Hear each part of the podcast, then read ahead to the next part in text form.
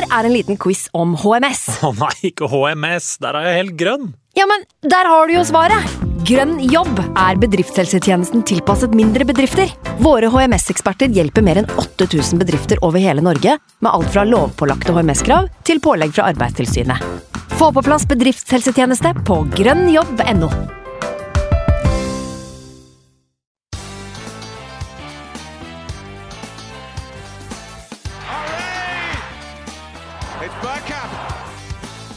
for grabs now! The next station is Arsenal. Hei og hjertelig velkommen skal du være til en splitter ny episode med Arsenal Station med Magnus Johansen og meg, Simen Goffeng. Top of the league, solide som i glansdagene. Tidenes yngste Premier League-spiller. For et vakkert sted Arsenal er i disse dager. Og når vi her i podstolen attpåtil har lydteknikken i orden og en eh, flunkende fersk X-spillerspalte å by på, ja, da lurer jeg på om dette er en drøm, rett og slett. Eh, I så fall, ikke vekk meg, Magnus. Ingen planer om det. Uh, lydmessig så er det jo bare å legge seg paddeplat etter at jeg tok uh, Granit Xhaka-rollen og spilte både venstreback og indreløper og playmaker og spiss i forrige episode. Og da måtte det bli litt skurr, eh, bokstavelig talt. Og vi skal være litt forsiktige med å, å foregripe begivenhetene. Jeg håper ikke dere som sitter og hører på der på mandag nå, hører meg eh, som eh, intens stålull i øra. Men eh, enn så lenge så er det ikke noe Premier League-pause eller dårlig lyd, så det er jo det er godt å sitte her nå siden. Ja, akkurat nå ser det greit ut. Eh, For en halvtime, times tid siden så så det veldig dårlig ut med det nye Altibox-nettet som vi har fått på plass her. Eh, Da var det plutselig nede for alle som bodde på Østlandet. Så krysser fingra for at den eh, i hvert fall holder en time og halvannen. Og så skal vi klare å skravle kjapt nok til å, til å komme gjennom. Ja, apropos å love ting, men uh, vi skal i hvert fall prøve å komme oss gjennom på halvannen time ish. Det er vel uh, hårete mål, det. Ambisiøst som vi alltid er. Det, det tenker jeg vi må kunne være. Men uh, du har vært i skauen i dag og fått eh, balsamert sjela litt òg, ikke bare kost deg med fotball. Det går en motorvei rett til den eh, skauen, så det var ikke så veldig mye balsam. Men det var jo alltid så godt å komme seg ut litt. Grann. Og mm, eh, fikk med meg både Arsenal-matchen og halve Everton-Westham-matchen. Så er mer Premier League enn jeg pleier på, på en søndag kanskje òg. Så det har vært en strålende dag. Og for din del så må vi si at formen er stigende, kanskje. Etter eh, at du sto og sang Saliba-sangen på dansegulv og sendte til iallfall meg og sikkert noen andre. Var noen andre dessverre også som fikk, som fikk det der. Men eh, nei, formen i, eh, i Praha som vi venta opp forrige helg, den, eh, den var jo upåklagelig. Så har det vært en tung uke nå. og Så dukka det opp litt rusk i halsen og sånt på fredag, så jeg begynte å lure på om jeg måtte holde pen kjeft og sørge for at vi fikk med en gjest her eh, i dag også. Men eh, det ser greit ut enn så lenge, så får vi se hva noen gode Arsenal-strofer med deg eh, for å si. Det kan hende at det blir slitsomt etter hvert, dette her. Men eh, per nå så er formen absolutt ålreit, i hvert fall. Og jeg har fått meg kake og kaffe inntil Arsenal-kamp i dag. Så klokka ett avspark på søndager, det er egentlig ikke så dumt.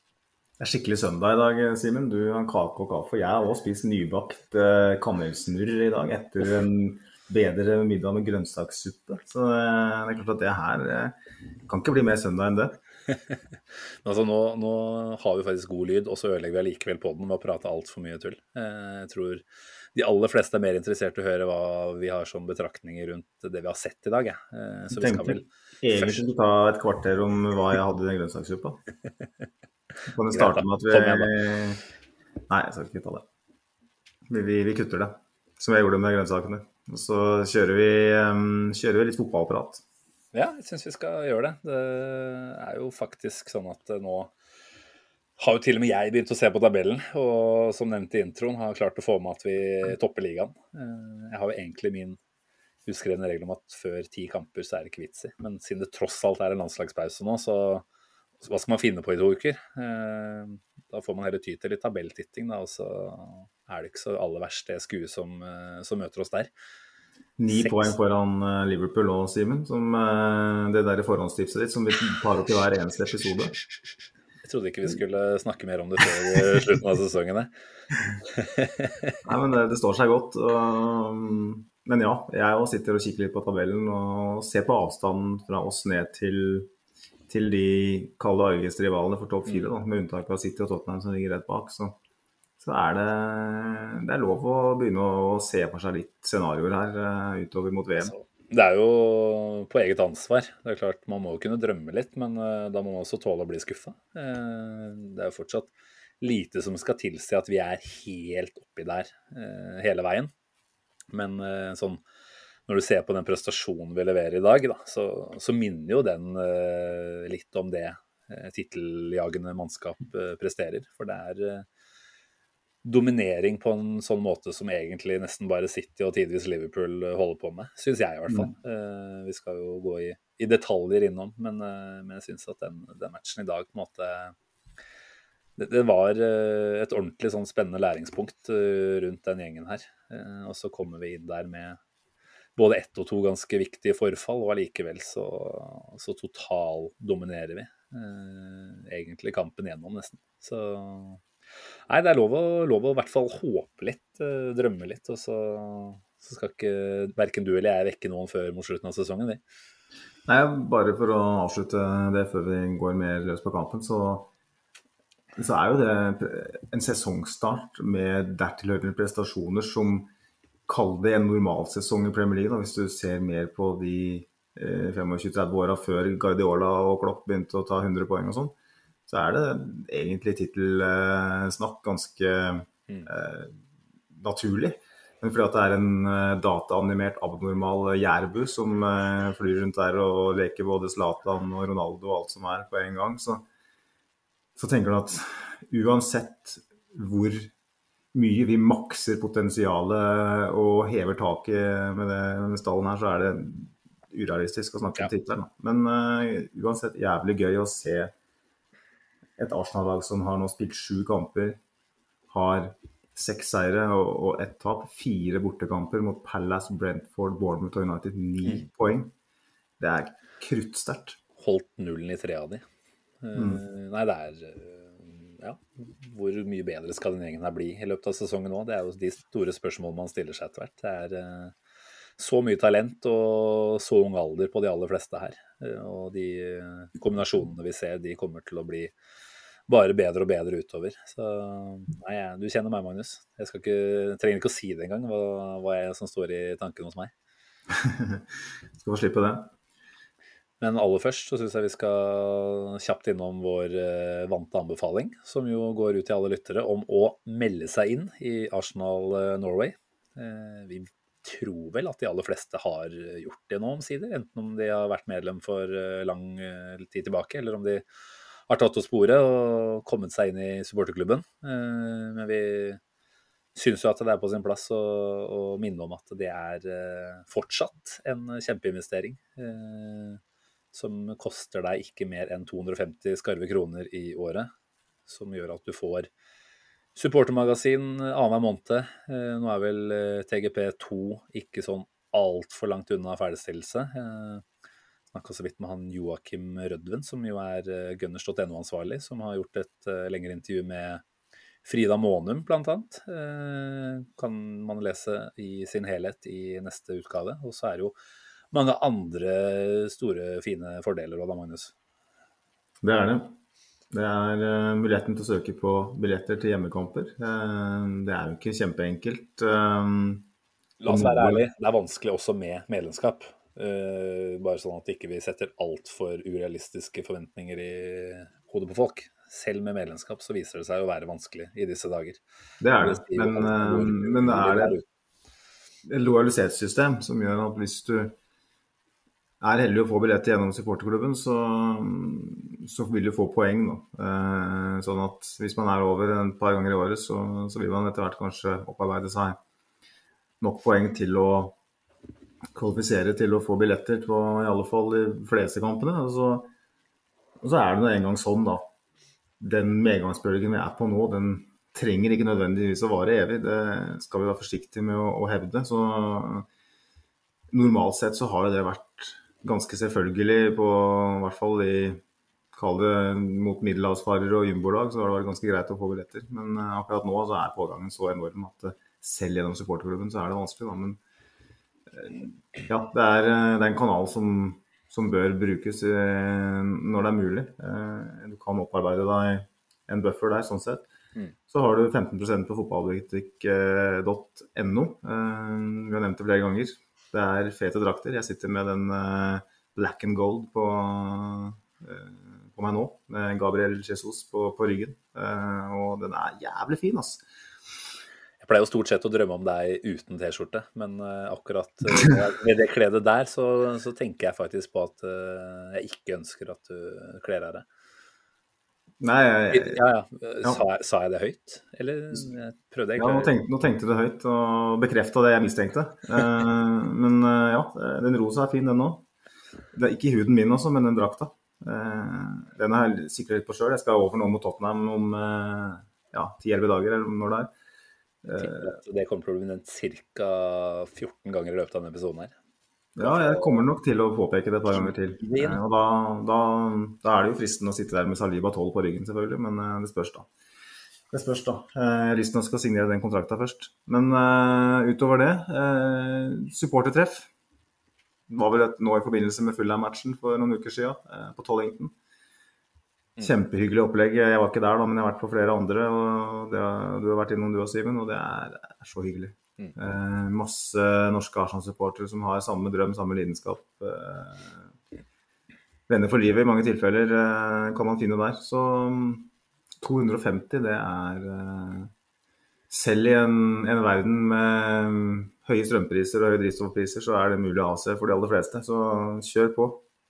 Det fine her er at uh, den prisen ligger faktisk fast også i en god stund framover, så vidt jeg forsto. Altså, det ble vel tatt, en, tatt stilling til det nå på nett, dette nevnte årsmøtet. Da, og man har jo selvfølgelig muligheten til å skru opp, men man blir eh, stående der. Og det tenker jeg det, det er noe å sette pris på. Det er ikke alle som uh, skyter prisen opp i taket, selv om muligheten selvfølgelig er, er til stede. Mm. Bra. Men da syns jeg vi skal snakke kamp det er mye å prate om i dag, altså. Eh, altså En bortegang mot Brentford det, på mange måter er jo ikke nødvendigvis det man tenker at skal eh, sette i gang aller mest eh, pratevirksomhet, men, men, når det ble med alle de forutsetningene som var med i dag, og måten det skjedde på, historien som ble skrevet underveis da, Vi har mye å ta tak i, rett og slett. Og vi må vel egentlig starte med lagoppstillinga. For det begynte jo å murre litt i Twitter-land eh, i timene før. Eh, noen som hadde vært på speideroppdrag i, Vest-London og, og, sett at både én og to uh, mangla. Sinchenko visste vi jo. Han var jo meldt ganske tydelig tidligere at det ikke kom til å være klar. Skal jo ikke til på noe landslagssamling heller, da, naturlig nok. Men så så vi jo etter hvert at det var et par navn til som dukka opp. Ødegård særlig, da, som, eh, som det virka å være hold i. Så var det også noe prat om Gabriel Jesus, og når jeg skrev det på Messenger til deg, da ødela jeg vel nesten dagen din. Men uh, ja. du, du, klarte å legge det til side, så viste det seg at det bare var i gåsetegn eh, Ødegård da, som mangla av de andre starterne. Mm. Men, men, hva tenkte du da? Eh, hvor, hvor stressa ble du? Eller det veit jeg, så du kan jo fortelle det til, eh, til lytterne. ja, vi har jo noen Nintendo Mini her. Sånn gamle, den eldste versjonen. Jeg satt med dattera mi og spilte det. Og Mario han havna i et svært høl, da, for jeg mista kontrollen, bokstavelig talt. Og meldte, meldte 0-4 uh, United-nivå på, på Messenger til deg. Skriftlig. Det ble snakk om ikke bare Jesus og, og, og Ødegaard, det var snakk om Sagiba òg. Så mm. visste vi at Zinchenko var ute. Uh, og jeg begynte liksom å tenke at det her, det, det, det ligner jo på Brentford i seriepremieren i, i fjor, når vi fikk flere forfall rett før kampstart. Det, ja, vi hadde allerede fått ett tap. Det var Arteta hadde blitt kåra til månedens manager. Alt tyda på at det skulle gå til helvete. så jeg var, jeg var, ikke veldig positiv til den kampen her. Men den første elveren kom, og jeg så at Saliba var, var inne, og at eh, Jesus var inne, mm. så tenkte jeg at jo, vi bør jo absolutt konkurrere her, om ikke annet. Vi bør kunne være i stand til å, å være med på notene i matchen. Um, kommer fram, stemmer det, Simen? Og sånn har jeg vært på skogstur og har ikke hatt så god tid etterpå, men det var snakk om at Saliba hadde ikke trent uh, på mange dager i forkant her. Eh, Det ble vel bekrefta av-. Ja, ble av Arteta etterpå at han hadde vel ikke trent ordentlig. Han har vært på visse øvelser, selvfølgelig, da, men uh, ti dager, faktisk. uh, hadde han ikke vært med ordentlig, og så var han med nå på siste økt, altså lørdag eh, formiddagsøkta der. Eh, og Arteta hylla han jo i etterkant for at han hadde ja, eh, gjort noe ekstraordinært sånn sett. da. Det er jo noe med å se hvilke ting som ligger i potten for Saliba her nå, med landslagspausen. Mm. Han spiller jo sannsynligvis etter hvert nå for en startplass i Frankrikes VM-tropp. Altså, jeg tror at han begynner å være ganske banker i, i selve troppen, men uh, at han ikke er så altfor langt unna å faktisk kunne starte der eh, når det blir VM. Så for hans del da å ja, putte helsa si litt eh, Sette det litt på spill, da, rett og slett. Får se Ja. hvordan det blir med, med landslagspausa nå, om han drar dit. Jeg regner med at vi ser noen nyheter på det i løpet av morgendagen, altså mandag, når denne her podden kommer ut. Så Det er jo helt åpenbart at eh, selv om det ikke var flere forfall, så var det mange som kunne ha mm, havna utafor elveren. Så Gabriel eh, og allerede i oppvarminga begynte å slite med en kjenning i regionen mellom legg og, og kne der. Mm. eh, På baksida av høy, høyt oppe på leggen. Og satt seg ned vel òg i løpet av første omgang der. Og da tenkte jeg at nå ryker han. Mm. Eh, så, sånn at det er jo et, et bol på, et, på tre bein som eh, kom seg gjennom den matchen her eh, og inn i en landslagspause hvor ja, forhåpentligvis eh, flere av dem kanskje kan være hjemme. Jeg tenker jo Ødegaard eh, Jeg er norsk og, ønsker at Ståle, Salvatore og co. Skal, skal gjøre det godt, men eh, jeg håper jo Martin Ødegaard blir i, i London. Eh, og han må vel, eh, eh, må vel fort en tur over eh, og sjekkes ut av landslaget. Jeg tenker jo at de selv om det sikkert er en god kommunikasjonslinje mellom eh, klubb og landslag der, eh, og virker som at det er et ålreit forhold, så eh, har vel gjerne landslagene krav på å få sjekka ut spilleren selv, i hvert fall. Så blir det jo litt opp til hva Utegård selv melder og, og hva han eh, tenker. Men eh, mm, nevnte kamp, da, som jeg kan eh, nevne en gang til nå. Tottenham, eh, som er tidligkampen eh, rett etter landslagspausen. Lørdag klokka 12.30 blir det jo lokaltid, ikke sant. Klart at setter du noen av de gutta her eh, i to kamper nå i landslagspausa, eh, og lar de heller eh, lar de heller få bli værende og trene seg opp, så, så har jo de helt andre forutsetninger for å prestere når, når klubblagene skal tilbake igjen. Så det må være lov å håpe på det, ja, som du sier. At, at han får en rolig tokersperiode nå. ja. Det er andre, andre landslagsspillere òg, som vi godt kan snakke litt om. Vi kan jo ta det etterpå, kanskje. Jobbe oss gjennom eh, matchen først, og så heller eh, komme innom både brassene våre og Ben White eh, med flere. Saliba skal vi også snakke om, så enda mer. Vi har et spørsmål blant annet vi skal ha der, så det, det blir gøy å, å snakke om et lag hvor jeg vil si iallfall borte mot samtlige hadde en meget god dag på jobb. Altså, vi, vi går jo ut fra start da, og dominerer eh, ballinnehavet. Spiller oss jo egentlig fram til det som fort kunne vært et av sesongens mål, allerede etter halvannet minutt. Jeg vet ikke hvor mange trekk det var innad i laget før det. Jeg følte jo at vi nesten hadde hatt ballen nonstop siden avspark. Mm. Jeg husker ikke helt opplegget der, men det var vel en eh, ball fra Var det Party ut til eh, Sjaka, som eh, kjører en slags eh, 1-2-variant med Martinelli. Der, Ja, er, du spør godt. La, la oss si at det hørtes bra ut, det, da. Ender i hvert fall opp med at Martinelli får den på et ganske ålreit fat, uh, ca. på straffemerket, og rett og slett sklir og bommer på ballen. Mm. Eh, da ja, jeg, jeg gikk ikke og tenkte at der, der var på en måte den superstarten vår uh, brukt opp. Men uh, klart, når du får en så stor sjanse etter eh, så kort tid, og på mange måter kan få kampen inn i et ønska spor allerede der, så er jo det kjipt å se den muligheten eh, gå til spille. Men eh, det, det viste seg ikke å få noen problemer. Men synd at det ikke ble mål, da, for for faen, det var, eh, det var angrepet sitt. Det var, det var, skikkelig bra, og det var såpass tidlig òg at jeg føler det kan ha vært viktig for, for eh, forløpet som fulgte. Altså at Arsenal setter seg skikkelig respekt der, går ut og Det er ikke snakk om å, å gi Brentford initiativ, eh, sånn som vi gjorde forrige gang. Det sånn, det bare går rett i strupen. og At Martinelli sklir der, det er jo vanskelig å si hvor mye udyktighet og mye uflaks det er. Men det er jo litt klassisk Martinelli på noen Han har noen dager hvor, hvor han er veldig mye involvert, men at han, han, han roter litt i avgjørende øyeblikk. Ja.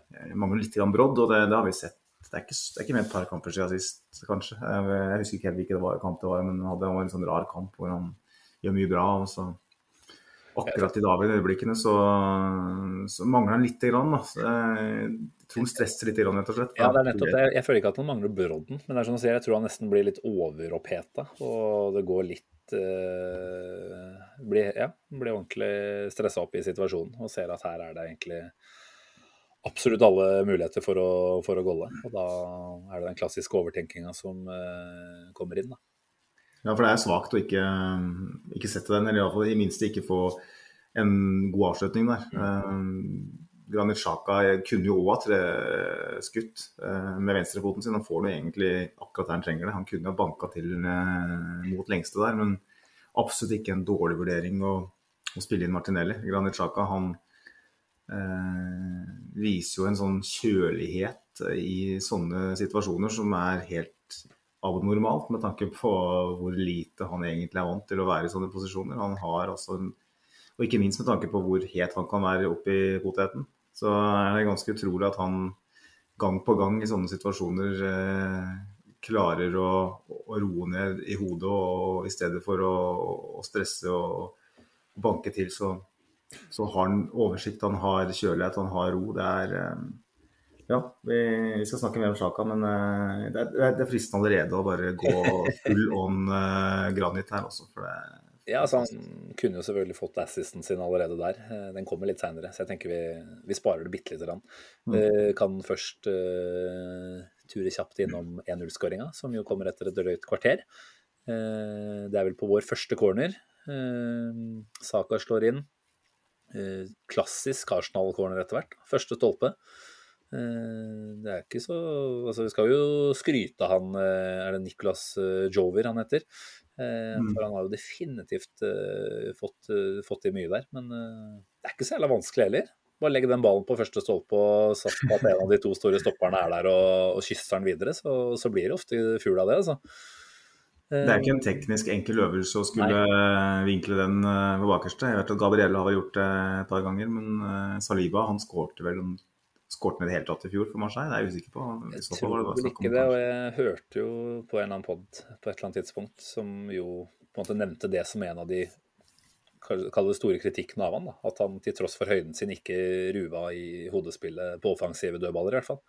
Mm. Eh, så det er klart at hvis han nå, nå har han skåret to allerede, eh, kan fortsette litt i den stilen her, da da, ja, vi, vi, kan snakke om komplett stopper allerede, tenker jeg, som 21-åring. Hvis han skal begynne å dunke inn kasser eh, opp mot tosifra i løpet av en sesong, da, da, blir dette skummelt. Da håper jeg vi har signert han på ny kontrakt for lengst, for å si det sånn. Eh, jeg trodde faktisk at det kunne være en fare for at uh, møkkadommergjengen skulle begynne å vare litt. Ja, i den der. For, uh, Jesus står jo faktisk foran keeper og beveger seg mot ballen, selv om han er ganske langt unna. Men uh, sånn teknisk sett så er han jo i en viss form involvert der, eller prøver å involvere seg. Men heldigvis eh, så ble det ikke noe av. Eh, jeg er helt på linje med deg der. Jeg var, eh, var redd for det. Og det, det sier vel litt om ja. hvor mye VAR har grepet inn i Premier League uten grunn. Man er jo redd for det aller minste. Selvfølgelig skal ikke den skåringen annulleres, men, men, man var redd for det, ja. Mm. Rett og slett. Så kan vi bevege oss videre mot, mot det du toucha så vidt innom. Granit Xhaka. Som jo da Det er vel bare ti minutter seinere. Eh, får ballen eh, tilbake fra Tierney. Ser at det er én mann å sikte på der inne. To, eller tre kanskje til og med, store Brenford-stoppere eh, står og plukker opp de ulike rommene ganske greit, egentlig. Så den den ballen inn der, den kan faktisk ikke bomme med mer enn 1-2 cm for at den er ubrukelig. For den, Det er vel over hodet på han Pontus Jansson, er det ikke det? At den går. Den bikker vel nesten to meter. Og lander allikevel på pannebrasken til Gabriel Jesus, som skal sies gjør en strålende innsats med å, å heade den videre. Da. For det er jo et, det er et hodestøt som det er ordentlig kvalitet over. Men, mm. men ballen fra Sjaka, den er såkalt fløte. Det er eh, porno, som Hermansen sa i eh, Olsenmannen. Eh, altså det minner meg om eh, kombinasjonen Øzil-Giroud. Eh, både det legget, som er altså så millimeterpresis, så godt tima altså Det å få den duppen på den på det tidspunktet, det Man kan jo lure på om klarer du det her igjen, Granit Xhaka? For det var helt fantastisk. Eh, og så hodestøtet til, til, Gabriel Jesus. Eh, måten han kommer over ball der og får kraft, kraft og header da tilbake i, i, i motsatt. Det er, det er, nesten sånn at jeg trodde ikke Granit Xhaka hadde det innlegget inne. Jeg trodde kanskje ikke Gabriel Jesus heller hadde det hodestøtet inne. Nå vil jo tiden vise om vi får se noe mer av det, men eh, ja, vanvittig bra scoring, altså. Og da kan du på en måte score når som helst, da, når du kan dra den der opp, ut av hatten. Eh, fordi at ja, det er klart Brentford kan sitte sikkert og i garderoben og tenke at den burde vi ha tatt. Vi burde ha vært oppe i Gabriel Jesus der, ikke gitt den muligheten til å gå opp. For all del, det er alltid sånn at et forsvarende lag vil alltid finne en grunn til at at det, en, at det, er feil som uh, har skjedd i, i forløpet til en scoring. Men fra et Arsenal-perspektiv så er det her Jeg kaller det nesten betryggende å se. Uh, jeg har vært um, innerst inne bitte lite grann småkritisk, for å kalle det det. Jeg syns Gabriel Jesus litt for ofte er alle andre steder enn i boksen når Arsenal angriper. Han og Martinelli dem ja, de, de, veksler jo veldig, da. Jeg føler ofte, Det er nesten oftere at Martinelli er den som er inne i boksen. Eh, det er mulig at det er fordi at Martinelli kanskje har en evne til å eh, ja, bare være så iherdig som han er og komme i, i avslutningsposisjoner. Da. Men eh, det er noen ganger jeg tenker at ah, nå skal jeg ønske Gabriel Jesus var i boksen her, for at han er så ekstrem. Han er en mye bedre avslutter enn en Martinelli per nå. Mye jevnere avslutter i hvert fall. Uh, han er den beste avslutteren vår, uh, må vi kunne si, basert på det vi har sett han i Arsenal-trøye. Og at han er der når en ball blir slått òg, det, det, er veldig, et veldig godt tegn. Og han hadde òg en, en, avslutning til i dag hvor han kombinerer med Giroud. Sånn at um, han har så ekstreme ferdigheter at um, Du ser Haaland driver og hopper og spretter ned, i, ned på Etiad, så tenker jeg selvfølgelig en litt annen kaliber kanskje, men allikevel. Jeg tror Gabriel Jesus enda oftere kan være i boksen når Arsenal angriper. Ja. og du ser hva han kan, da. Et 11 av 10 mål uh, på skala. Så som han var porno. porno. Relativt godt fornøyd med serveringa han fikk, og det var en fin, eh, fin del av feiringa det òg, etter at han hadde dansa litt i, til ære for Vini, som jo har fått mye rasisme og drit over seg etter disse dansekritikken fra, fra, deler av spansk media og Atletico-miljøer, så var jo det på sin plass å feire på den måten. Og også i tillegg dra opp litt uh, skopussing av uh, Sjakas silkeføtter. Uh, tydeliggjør jo hvor, uh, ja, hvor, mye han settes pris på. Uh, ser jo at det er mange etter hvert som, som prater om Sjaka som selvfølgelig lederen som han er, men også som den gode fotballspiller han er, da, og som han nå får mm. flere og flere muligheter til å vise når han har en, eh, en base bak seg i party som tillater han å, å spille mer fritt framover.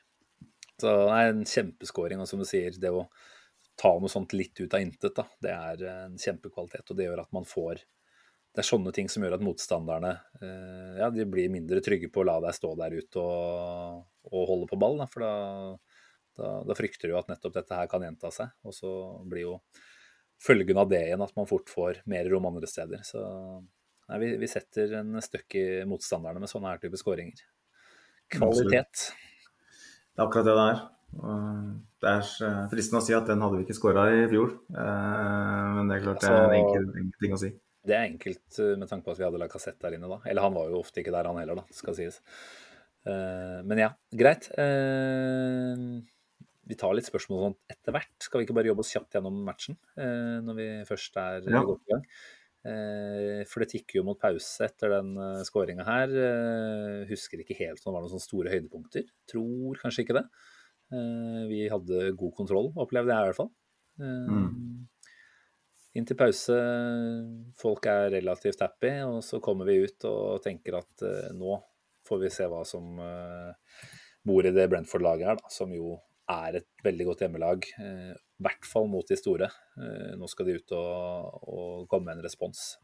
Så tar det vel to og et halvt minutt eller noe sånt da, før eh, Saka slipper ballen enkelt, det blir en enkel assist det der, eh, til Fabio Vera, som eh, for ordentlig, på ordentlig vis presenterer seg nå. Da. Første kampen fra start i eh, ligaen, vel å merke. Rett og slett stillestående fra 4-25 meter. Dunk. Stang inn. Altså, når du snakker om at 2-0-målet er et sånt som vi ikke nødvendigvis kan forvente, og sånt, så, så må du jo si det samme om 3-0 her. Eh, mål ut av ingenting. Eh, en eh, kanskje ja, kanskje den spinkleste spilleren på banen. Som eh, man jo kan lure på hvor mye kraft eh, har, men han, han har jo en teknikk som er helt eh, ellevill. Og han treffer ballen så bra som bare det. Og David Raja har jo ikke sjans, han er ikke i nærheten av å nå bort til det skuddet der. Så han hadde ikke trengt å være klistra inn til stolpen. Den hadde gått inn uansett. Mm. Eh, hva tenkte du når den føyk inn? Nei, jeg fikk rett og slett uh, gåsehud, altså. For det er noe med at når man Det minner meg litt om uh, sent 90-, tidlig 2000-tall. Uh, kanskje min eh, signingsferd som Arsenal-supporter, hvor, hvor Arsenal henta spillere som man ikke hadde hørt om, men allikevel betalte ganske mye penger. For det var jo før Twitter og før man visste alt om alle. Eh, eller iallfall at du kjente, noen, kjente til noen som visste alt om alle. Eh, Fabio Eira er jo en litt sånn signering. ikke sant? En mann som man knapt har hørt navnet på, og så plutselig så koster han 35 millioner pund. Og da, da får, blir det litt sånn mystikk uten en sånn spiller. Mm. Og, han da, og så har vi hørt at han er direkte, ikke sant? At han, er, eh, at han har en litt sånn eh, X-faktor, kan finne på de utroligste ting, og så, og så gjør det der. Og da, da Ja, det var eh, litt sånn Det vekka barnet i meg eh, fotballmessig å se en sånn scoring eh, fra Fabio Eira. Det var, det var skikkelig deilig. Og jeg må bare si det at eh, man snakker om ut fra intet, og det er nettopp det det er. Um, de aller fleste spiller i den eh, situasjonen, for det, de må jo kunne sies at Brentford der, de er jo ingen steder. Um, selv om Fabio Vieira er et ubeskrevet blad for oss, så tenker jeg at Brentford, som er så metodiske, den har helt åpenbart satt seg inn i hva slags spiller det er, og han får da flere meter eh, til å trekke av. Og hadde han gjort da, som de aller fleste spillere gjør i den situasjonen da, tatt med seg ballen i lengderetning, gjort en to-tre touch, og så trukket av, så ville jo David Raja vært der. Men det faktum at han bare, ja, som du sier, stillestående nesten, bare banker til, så han tar alle på senga. Det er undervurdert scoring, kanskje. Um, for folk snakker om at det er et hardt skudd og at det er veldig plassert og alt sånt, men det mest uh, imponerende fra mitt perspektiv er at han, at han trekker den uh, opp fra hatten stillestående der. Uh, det er the element of surprise altså, som virkelig gjør seg gjeldende. og det er en genial scoring, rett og slett. Og eh, jeg var litt skeptisk til å se han elveren i dag. Ikke fordi jeg nødvendigvis mente at det var noen andre som heller burde ha vært der når Ødegaard er ute, men det jeg så mot Zürich, var liksom så som så, egentlig. Så jeg syns det var lovende med det jeg så der. Og ja, det, men det var jo veldig spennende. Jeg syns det var liksom litt sånn småpassivt og, og sånn, og det syns jeg så i dag òg. Første 20 minutta så var det en del situasjoner hvor han Blant annet en episode jeg husker godt, eh, hvor Saka får ballen ute på høyrekanten. Og Ben White er eh, ganske dypt, da, så Saka er veldig isolert. Én mot to. Mm. Og Fabio Vieira for så vidt eh, småjogger litt inn sentralt der. Eh, og så var det òg en par situasjoner hvor det var noen andre baller hvor han var litt, litt for lite på alerten. Men så, spesielt etter skåringen, så så at han bare tok mer og mer plass, tok mer og mer ansvar. Det var en spiller som rett og slett kanskje trengte en sånn, et sånn type øyeblikk. da. Mm. Virkelig presentert seg. Og etter, etter skåringen syns jeg han var veldig, veldig, veldig god. Og, og det er kanskje det man bør kunne forvente òg fra en spiller som kommer fra portugisiske ligaen, som hadde vært 15 kamper eller på toppnivå før han kom til Arsenal. Man bør, bør, ikke forvente noe særlig mer enn at han er ute der og, og spiller på seg erfaring og ja, hva skal jeg si Dunker noen kasser fra 25? For all del, akkurat det forventer jeg ikke. Da, men det, det vi så i forkant var kanskje det jeg forventa. Etter skåringen så så syns jeg han var kjempegod. Mm. Så jeg syns han kommer inn og gjør den Han gjør ikke Ødegaard-jobben på akkurat samme måte, men han opererer jo i de samme rommene. og Vet ikke hvordan den der statistikken for pasninger han og Saka imellom var, men du ser jo at de ofte er i nærheten av hverandre. Eh, han gjør jo at Saka får ålreite arbeidsforhold når han er såpass eh, tilstedeværende i de områdene der. De skaper alternativ for Saka. Mm. Eh, Pasningsprosenten hans i den matchen her er jo ikke all verden. 81 ca. Men det er jo gjerne tall vi kan hylle Martin Ødegaard for, for det tyder på at han har prøvd seg på litt uh, mer fikse og spennende varianter. Uh, 43 ball, uh, nei, 43 pasninger totalt sett på Vieira i en 90-minutterskamp. Det er jo ikke all verden fra en innløperrolle, men uh, tenker jeg at jeg understreker at han er han er en spillertype som, hvor bevegelighet og, og posisjonering blir en veldig sentral del av jobben han skal gjøre. da. Litt på, mm. på, samme måte som uh, ja, Sjaka har hatt også på, på andre indreløperrollen. Så det handler om å, å, få laget som helhet til å, til å gli godt. da. Mm. Så det, nei, jeg syns han, han, var veldig fin. Det er klart, det er lett å, å, la seg merke litt ekstra av det målet, selvfølgelig, og gi han altfor mye ros, men uh, jeg syns han til å være en debut i nye liga fra start, på en vanskelig bortebane, så er dette her en, en kjempelovende start. og det gjør rett og slett at man blir litt mindre stressa eh, om Ødegaard skulle ja, være litt sånn halvveis nå. Ønsker selvfølgelig å ha han på plass mot uh, Tottenham, uten tvil. Men uh, jeg syns det vitner om at dekninga der er relativt god, da. Som den jo etter hvert er på de aller fleste plasser den, i den stallen her. Med mm. et, par, et par unntak, som vi jo har vært inne på flere ganger i Thomas Party-rollen og og kanskje i Saka-rollen. Men, eh, men, eh, nei, Fabio Vera kommer inn og gjør en kjempedebut fra start. Absolutt. Um, som jeg sa, forventa ikke noe mer enn det jeg så første 20. Og det han viste de siste jeg vet ikke hvor lenge han var på banen. Han ble vel kanskje bytta av, men Ble han det? Jeg trodde han sto Det er mulig, jeg husker ikke. Altså, det er igjen det er, det er kvalitetsinnholdet dere kommer hit til, lyttere, for å, å, høre. Jeg husker ikke hvor lenge han spilte engang. Men uh, det, det, det, finner vi fort ut, da. Uh, poenget er uansett at det han viste etter skåringa, og kanskje ja, mot slutten av første gang for så vidt òg, det var noe helt annet. Så man blir jo litt uh, betrygga her, da. Eh, når man tenker at, eh, at Martin Ødegaard potensielt eh, Ikke at han er ute lenge nå, men hvis han skulle få lengre skade, et lengre skadeavbrekk, så, så, har du en spiller som, som ser ut til å kunne, kunne, gå inn i de fleste kamper. og med Smith-Roe i tillegg, da, som virker å ha en kronisk ruskeskade, eller hva det er. Jeg vet faen hva det er. Men poenget er at han er ikke og Vi kan ikke regne med han de neste ukene, kanskje neste måned, for alt vi vet. Så vi, vi, trenger at Fabio Eira er, eh, er klar nå, faktisk. Uh, uavhengig av om Ødegaard er skadefri eller ikke. Vi skal spille 380 kamper nå i, i oktober. Uh, han kommer til å få masse spilletid, og vi trenger at han er klar. Uh, er det rettferdig at, han, at, vi trenger det? Overfor han det er det kanskje ikke, men uh, hvis han er klar, så er det kjempegode nyheter. Mm. Apropos skader og sånt, uten at man ble veldig mye klokere, så nevnte vel Arteta, jeg tror det var i intervjuet med Viaplay etter, etter kampen, at det var noe surgery involvert på noen av disse skadespillerne. Uten at det ble utdypa eller spurt noe mer om. Men det kan jo tyde på at uh, et av de avbrekkene vi ser er potensielt litt mer langvarig. da. Jeg frykter jo at det er Smith Roll man snakker om her, som har hatt et langvarig problem. Men, uh, ja, bare for å ta det, altså, Om det er snakk om operasjon der, det ville kanskje overraske meg litt. For det er jo snakk om en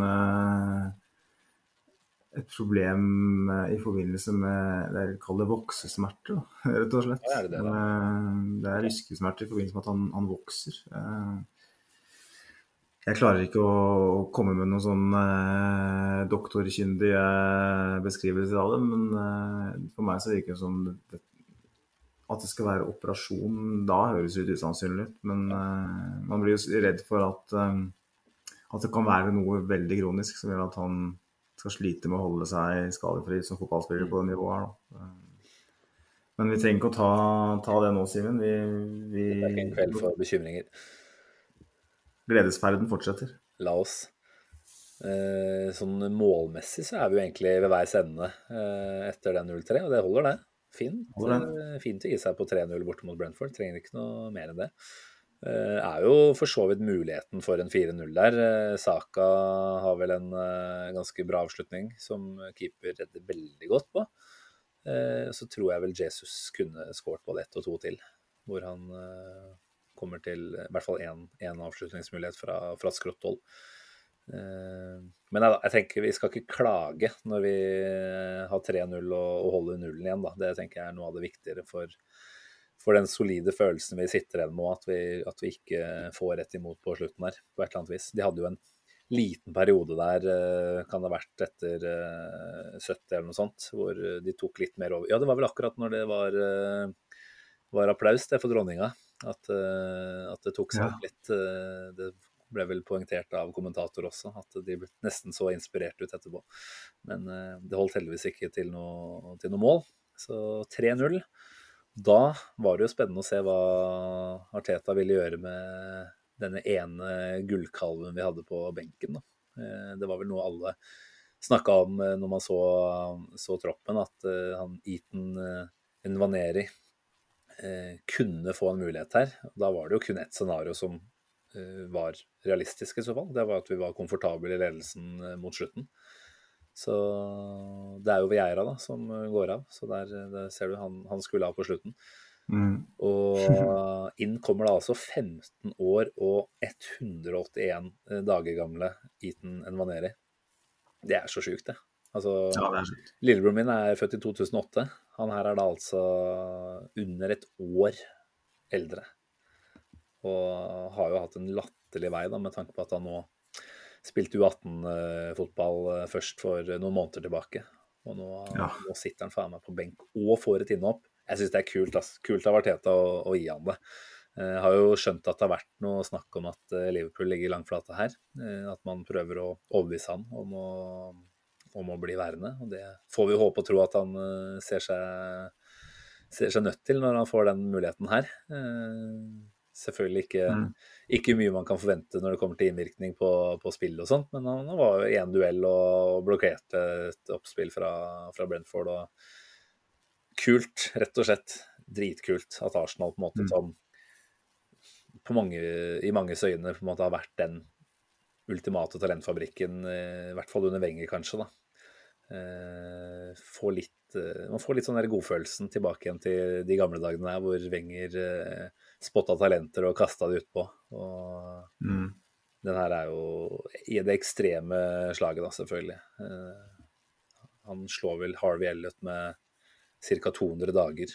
Og Fabregas med et år ca. Så selvfølgelig så blir det en ekstra hype rundt han etter dette her. Eh, så får vi jo se hvordan han takler det, men det er jo en del av utviklinga, det også. Men eh, Kjenner vi Arteta rett, så er han jo ikke med bare for stuntets skyld. Det er jo fordi han har gjort seg fortjent til dette her. Nå sa vel Arteta ganske ærlig at uh, det var bare en følelse han hadde. Han har jo ikke sett den så mye, men har jo sikkert snakka en del med Per Mertesaker og, og, kanskje også Jack Wilshere om, uh, om, hvem denne fyren er. Tenkte at her er det en som uh, tåler litt rampelys allerede i en alder av 15 15,5 år. Jævlig kult. Mm. Ja, det er kjempefett. Og jeg tror nok at det er mest altså, Han er på benken der fordi at han åpenbart er en, en juvel og en eksepsjonelt spennende og ung spiller. Men uh, det er jo fordi at det er 3-0, ikke sant? og man, man får muligheten til, til, å gjøre det. Og det skaper på en måte enda mer positiv PR rundt klubben. Uh, driver fram det budskapet Arteta er opptatt av å, å bygge, om at, uh, at Arsenal har gått gjennom en kulturendring som klubb som tillater eh, klubben å kunne dyrke fram sånne spill og i tillegg gi dem sjansen på det nivået der. Det er et signal han sender ut der. Mm. Eh, jeg tror ikke det er en magefølelse, jeg tror det er en ganske planlagt. Eh, jeg tipper han satt der før kampen og tenkte at hvis vi har to-tre mål og det er en la oss si fem minutter, da kaster vi den på. Mm. For da, da, får vi sendt ut det budskapet, og det fikk hun gjort. Eh, jeg er ikke sikker på at vi ser den igjen denne sesongen her i det hele tatt, men uh, kjempegøy. Og var vel uh, Hedley BN på Twitter som skrev til oss uh, til at han sluker Arsenal-content enda heftigere enn det vi gjør. Og da er det bare å si kudos. Han skriver ikke et spørsmål, men mer en anbefaling i skygge av den historiske debuten i dag. Sjekk ut Inside Hale End' på Arsenal YouTube, Arsenals YouTube-kanal. Meget bra dokumentarserie. Mye om Envaneri og mange andre av våre unge talenter i akademiet. Og det tenker jeg at det, det, Dette er en dokumentarserie jeg har vært uh, veldig gira på å se, men jeg bare ble ferdig med All or Nothing først på forrige uke. jeg har sett de tre første episodene faktisk av Inside Hale End. Ja, du har det, ja? ja er, det, er, det, sånn at du har sett han uh, figurert der? Ja, altså, jeg kan vel ikke huske at det har vært så altfor mye på en måte én-til-én-prat med han, men man har jo sett han eh, prestere eh, i noen av de kampene på U18-nivå. da. Eh, det er jo Måten han omtales som på trenere og sånt, det er jo ikke noe tvil om at de også ser at dette er et spesielt talent. da. så Nei, men altså Uten å, uten å påberope meg å plukke opp altfor mye fra de episodene jeg har sett, så så er det absolutt et spennende innblikk generelt da, i måten det tenkes på, hvordan det drives på akademinivå. Og kanskje man blir enda litt bedre kjent med han utover i, i de episodene som jeg ennå ikke har sett heller. Men uh, støtter anbefalingen til Hedley BN her. Og så bare for å avslutte um, enda mer i praten, så tenker jeg at uh, nå har ikke, jeg sitter ikke med noen liste foran meg uh, med unge spillere som har fått sjansen i, Premier League. Men hvis du tenker på Harvey Elliot, på, på, som for så vidt fortsatt har mye å bevise, men James Miller f.eks. fikk jo veldig tidlig sjansen i Leeds. Uh, I Arsenal så har du Jack Wilshere, Cess Fabregas, Bukayo Saka. De som får sjansen aller først, si, de som er 15-16-17 når de får sjansen, de har også, er ofte så gode at, de, at du ser dem får en god karriere. Da. Mm. Uten å forskuttere noe her, så tenker jeg at uh, Arteta hadde ikke gjort det her hvis han ikke føler seg, kall det, rimelig trygg på at talentet hans eh, og personligheten hans gjør at, mm. at, det er veldig sannsynlig at han kommer til å få en, en veldig god karriere på toppnivå. Så det er et nytt navn å merke seg ved siden av mange andre, som f.eks. Patino, som vel skåra sitt første mål for Blackpool nå i helga. Så det, det, det, å følge litt ekstra med på det som skjer på akademiet, eh, i akademiet og sånn, det, det, det, anbefaler jeg folk å gjøre, og jeg skulle gjerne hatt enda mer tid selv òg til å gjøre det. For det er jo kjempespennende. Vi får hyre inn noen eksperter på området, men, eh, men det ser ut til at det er en veldig fin rød tråd som går gjennom hele klubben nå, fra, fra U-nivå til A-lag. Og at det er en måte å tenke fotball og taktikk på som, eh, som er gjennomgående. Da. Og det gjør også at veien blir kortere når man eh, i større grad i hvert fall bli kjent med prinsippene som ønskes eh, på det ypperste nivået. Så det er spennende å se hva vi kan, eh, kan få ut av både han og, og, andre. Da. For det er jo flere navn her uten at vi trenger å gå altfor mye mer inn på de nå. Eh, så der er egentlig kamppraten ferdig. Eh, flere spørsmål har vi jo, da. Kanskje greit når vi begynner å nærme oss timen allerede, Magnus, at vi angriper noen flere av de også.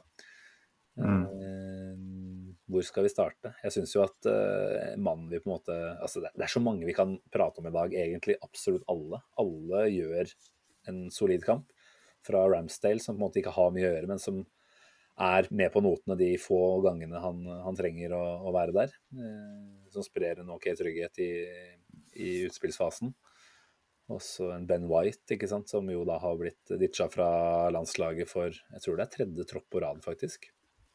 Eh, vi kan jo sikkert eh, tenke hva vi vil om Southgate. Eh, det er en hard konkurranse på høyrebekkplassen der, men nok en gang i dag da, så viser Ben White den ekstremt stabile og solide siden sin.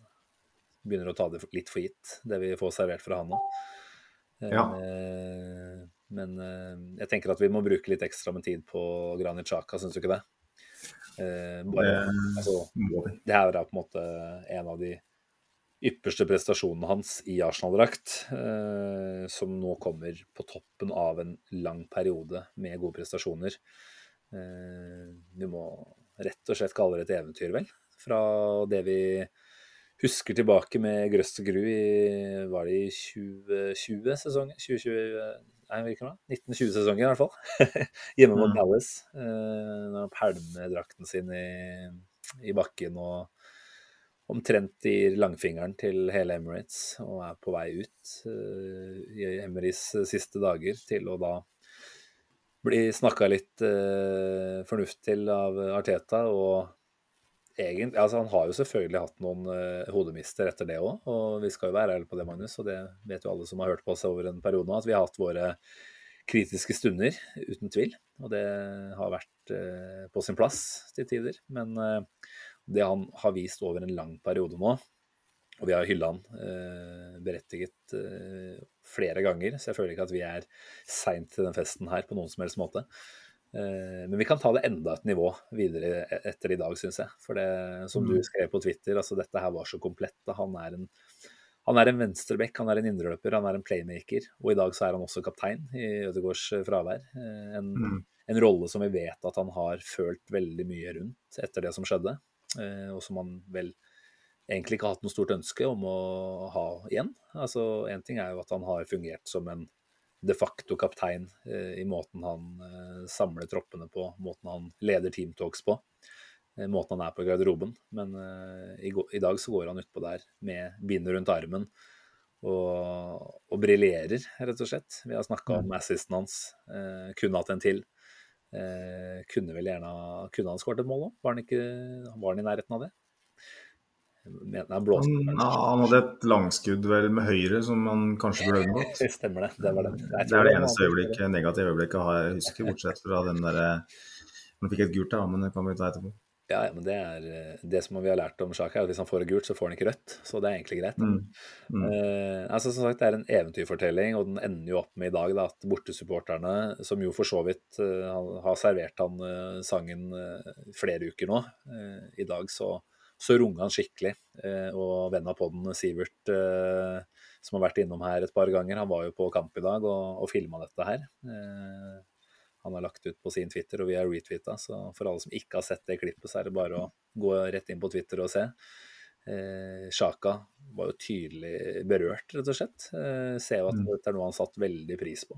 Eh, og uttaler jo etter kampen at dette her er det er noe som, eh, som gir han glede, rett og slett. Da. Eh, Du som har enda større vokabular enn meg, eh, fortell litt om, om den ferden Sjaka nå har vi, vi skal jo ikke si at den er endt, for det, det er nå forhåpentligvis ikke. Men eh, det som har skjedd eh, med den mannen her de siste to årene, egentlig, da, og som nå gjør at vi Altså, hva skal vi si, ja? Vi, vi kan ikke si at han er liksom helt i toppsjiktet, men allikevel. Han har prestert jevnt og trutt over tid nå. Han er vel oppe i tre assists. Eh, Skåra et mål denne sesongen her. Eh, begynner vi å Det er jo peak Sjaka, uten tvil. Men, eh, men eh, ja, hvor, hvor bra er det her? Ja, det Jeg tenkte etter kampen i dag at eh, det er ikke første gangen de siste månedene at jeg har hatt den tanken der i huet, men kanskje mer enn noen gang så tenkte jeg kanskje må jeg reevaluere hvordan jeg ser på den fotballspilleren her. Er det mye mer ved han enn det vi etter så mange år, etter så mange kamper, har lært oss å kjenne? Er det, er det taket her enda høyere? Er det enda mer eh, under panseret på den eh, kjerra her? Mm. Og ja, jeg må jo bare si ja. Jeg, på slutten av foresesongen så var jeg veldig klar på det at den der indreløperrolla, eller åtterrolla, det, det er en midlertidig løsning. Eh, Thomas Party har tatt, fått nøklene til midtbanen, og det er han som kjører bilen. Eh, og så er Granit Sjaka en, en, en reserveløsning på, i den venstre indreløperrolla. Vi trenger noen som har mer tempo i, i føttene, som har uh, mer offensive ferdigheter, som kan kombinere med, med både back og, og venstre angriper. Og rett og slett gjøre noe av det samme på venstresida som Ødegaard gjør på høyre. Da. Um, men jeg begynner jaggu å lure, altså. Er Granit Chaka den spilleren? Uh, kanskje ikke på lang sikt, men neste par åra så, så kan det hende. Altså, jeg, I dag kunne han ha tre målgivende. Altså, han burde definitivt ha to. Den han har til uh, Martinelli, som vi snakka om helt i starten av matchen, den, den hadde jo Martinelli satt kanskje tre av fem ganger, da, for, å, for å bruke et litt fiktivt tall her. Uh, og så hadde han en uh, kombinasjon med Gabriel Jesus og, mot slutten av matchen på, på 0-3 som det er en god redning fra David Raja, rett og slett. Eh, det Granit Xhaka gjør der, er jo genialt. Det er trylling. Tryller Det fram, rett og slett. Og det er, han har så mye ved seg. Altså han, som vi sier, han er nede på bekken og hjelper uh, Kirintini. Uh, vinner ball dypt. Han er uh, på midten og, og vinner ball. Er alltid tilgjengelig, finner rom. Uh, han, er, eh, han serverer crossere, lange baller, eh, korte stikkere her og der. Eh, I tillegg så gjør han spissbevegelser. og det blir nesten sånn at man liksom Det her det, det blir nesten useriøst.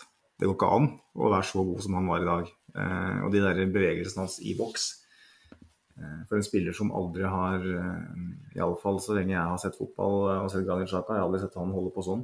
Det er jo noen instinkter ved han, da, rett og slett. Ja. Som eh, ja, de får jo muligheten til å Nå skal ikke jeg avbryte deg, du skal få fortsette. Men de får jo muligheten til å vises fram når han har en base som eh, det partiet gir han å spille ut fra. Da er det en frihet til å roame og frihet til å herje eh, som vi ikke Mm. har sett tidligere. Og jeg tror jo party er en stor forklaring på, på det vi ser fra Sjaka nå, når, når Party er der og, og rydder og er regista på den måten han er, så, så får Sjaka være på sitt beste.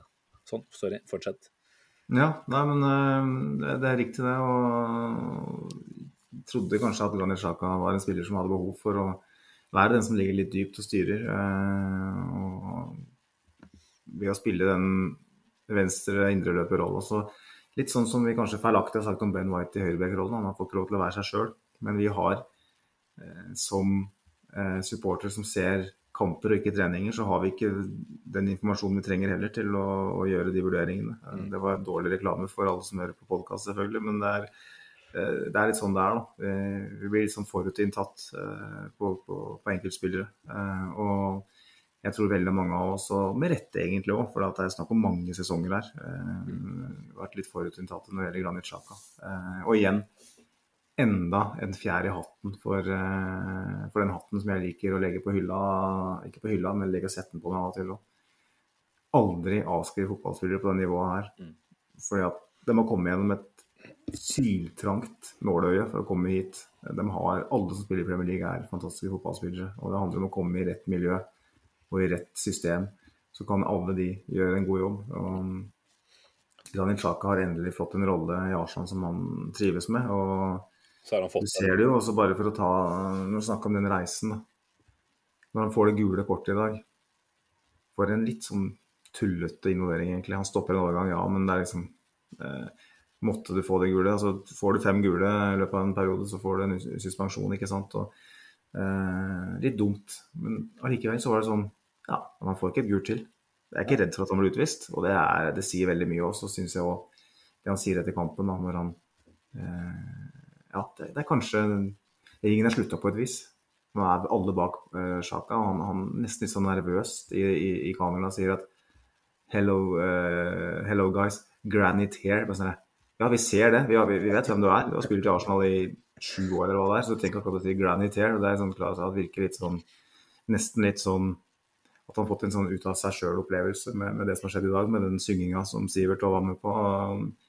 Eh, ja, han, han er frigjort fra, som, som Arsenal-spiller, både på banen og mentalt. Og det, jeg skal ikke påstå at jeg mener at han er svaret på lang sikt i den rollen, men at han kan være det i denne sesongen her, og kanskje en til òg, det, det, det skal han absolutt ikke se bort ifra. Ja, det det viser han jo. fantastisk. Det viser det nå. Han er jo så sterkt delaktig. Altså, han er jo vår, altså den spilleren vår som har skapt flest sjanser i, i, altså i et selskap med Ødegaard og Saka annet. Så har han skapt eh, 16, eh, var det vel Orbinio hadde skrevet her? 16 sjanser. 15 av de Mm. hadde kommet fra åpent spill. Eh, da er du innflytelsesrik, da. Eh, uten tvil. Og jeg tenker vi, kan, vi må jo hylle Sjaka som vi gjør, og vi må hylle Arteta òg for den jobben han har gjort. Både med, altså, på det personlige plan. Eh, alle de samtalene han har hatt med Sjaka for å få hodet hans på rett plass igjen. Og ikke minst måten han nå har putta han inn i et system og gitt han en rolle som gjør at han får, får muligheten til å skinne på den måten her. Det er, det er imponerende. Eh, Syns jo Arteta fort nå ender opp med å ja, Han kommer ikke i skyggen av spillerne sine. Han synges jo og heies jo fram av alle, han også. Men jeg syns det er viktig at vi stopper opp iblant og, og prater litt opp Arteta også. For det, det er tross alt uh, en grunn til at spillere presterer på et uh, høyt nivå uke etter uke. Og det er trygghet i forhold til hvilke oppgaver man skal gjøre. Og den, den tryggheten den blir bare sterkere og sterkere hos, hos hele den gjengen her nå. Mm. Så, nei, uh, Sjaka det er, det er til å bli ordentlig glad rett og slett. selvfølgelig så har vi som sagt tidligere vært ute og kritisert han. men du, du, får en følelse av at dette er en spiller som virkelig bryr seg, da, som har et så stort hjerte. Ikke nødvendigvis for Arsenal, men også for, for fotballspillet. Altså, han bryr seg så mye, han er så investert i det han holder på med. Og når det har gått dårlig, så har det gått veldig dårlig. Men når det nå går bra, så, så blir jeg litt igjen der at hvor, hvor skal dette ende her? Altså, Granit Sjaka på en medgangsbølge, det er, det er krutt, altså, rett og slett. Så nei, nei vi, vi, gleder oss til fortsettelsen. Jeg har jo fått noen innspill på, på Granit, ganske de fleste har vel skrevet om Granit Sjaka. Eh, Morten Granhaug, eh, en fyr jeg kjenner eh, meget godt, får jeg si, gjennom eh, hele livet stort sett. Han skriver eh, party tilbake, må også nevnes. Bossa midten med, med Sjaka i dag. Og mm. Fleskespurven må vi òg nevne i dag. Eh, nydelig navn. Jeg har gjentatt flere ganger. Han skriver nå hjertet i laget, Sjaka og Party, parentes, storspiller så er Arsenal gode nesten uansett. Mm. Enige, er spørsmålet. Og da må jeg spørre deg, Simen. Du, ja. du, var inne på det. Eh, Thomas Party kommer tilbake. Han gir Sjaka eh, den lisensen til å være den spilleren han er i dag.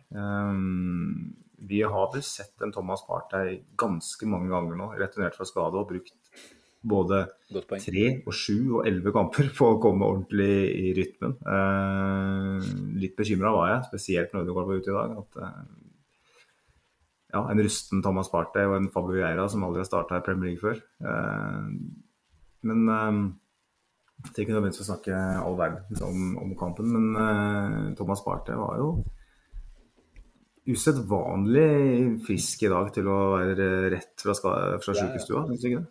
Jo, han gjør jo en uh, kjempesolid kamp. Han er jo på en måte ikke den Nå har ikke jeg alle tallene foran meg, så jeg vet ikke hvor alle pasningene hans gikk, men jeg føler at han spiller på det trygge og er den ballfordeleren og den sikkerheten foran uh, backlinja som, som, han skal være, da. Som igjen gir de øvrige fem offensive spillerne foran han igjen muligheten til å gjøre det de er best på. Eh, han er rett og slett Han er jo en grunnmur å regne i, i det laget her. Eh, spiller vel da, 85 pasninger i løpet av kampen, som er flest på, på laget vårt. Fordeler eh, solid, på en måte. Det er eh, jeg tror bare hans tilstedeværelse, eh, hans evne til å posisjonere seg, det snakka vi jo litt om etter eh, United-kampen, hvor man på en måte ganske tydelig så at Lokonga verken kanskje hadde fått samme oppgaver, men heller ikke klarte å, å dekke de samme rommene. da, Mens Thomas Party kanskje som forventet er en veldig klok fotballspiller som vet hvor han skal gjøre av seg. Og stort sett vet han hvor han skal gjøre av pasningene også. Jeg ser han oppe i ca. 86 uh, på accuracy på, på, de 85 pasningene han har. Uh, slår jo ikke noen uh, nøkkelpasninger. Det gjør de aller fleste andre offensive spillerne våre. Så mm. han, han, er grunnlaget da, for at resten av av den offensive kvintetten vår, blir det vel, eh, kan funke. Og grunnlaget for at Sjaka kan få lov til å herje som han gjør. Så kjempeviktig. Vi har sagt det mange ganger før, han er fort en av, kanskje den aller viktigste, og i hvert fall den spilleren vi nå ser at om vi ikke har han, så blir drop-offen til eh, spillerne bak eh, kanskje størst av alle på laget. Mm. Så nei, som du sa, eh, veldig glad for at det gikk Han har jo ikke vært på banen siden eh, Bournemouth-kampen. Veldig glad for at han ikke brukte dette her som en sånn oppvarmingsrunde for å komme seg i formen. Eh, rett inn og presterte og, og spilte på det trygge, syns jeg. Og det er for så vidt ikke noe mer enn det han trenger. Og det funka, funka veldig bra. Gjør jo en par flotte vendinger hvor han drar av to-tre mann ikke sant? og er, Mm. er trygg og komfortabel eh, i det aller meste av det han foretar seg. Så nei, jeg tror vi igjen fikk se viktigheten av han i dag, altså. Du oppsummerer det godt, eh, Simen. Jeg har ikke så veldig mye å legge til, egentlig. Det, det eneste eh, er jo interessant eh, å se hvordan han løser den rollen eller sammenlignet med Lokonga, selvfølgelig. Og det er urettferdig å sammenligne, men eh, du ser jo hvor viktig det er. da. Eh, Hadde han stått der mot Manchester United for eh, to uker siden, så hadde kanskje ikke de overgangene blitt noe av, nødvendigvis. Eh, han kveler jo Brighton til dels med å være så ekstrem på å være i rett posisjon, vinne ball, gå av det lille presset som er. Eh, bare mm, så Nå er det flere årsaker til at XG-en blir som den blir her. Eh, Arsenal stiller jo opp her på en måte som vel kommentatoren òg var inne på eh, i, i kampen, at eh, hjemmeleksa er gjort. da Mm.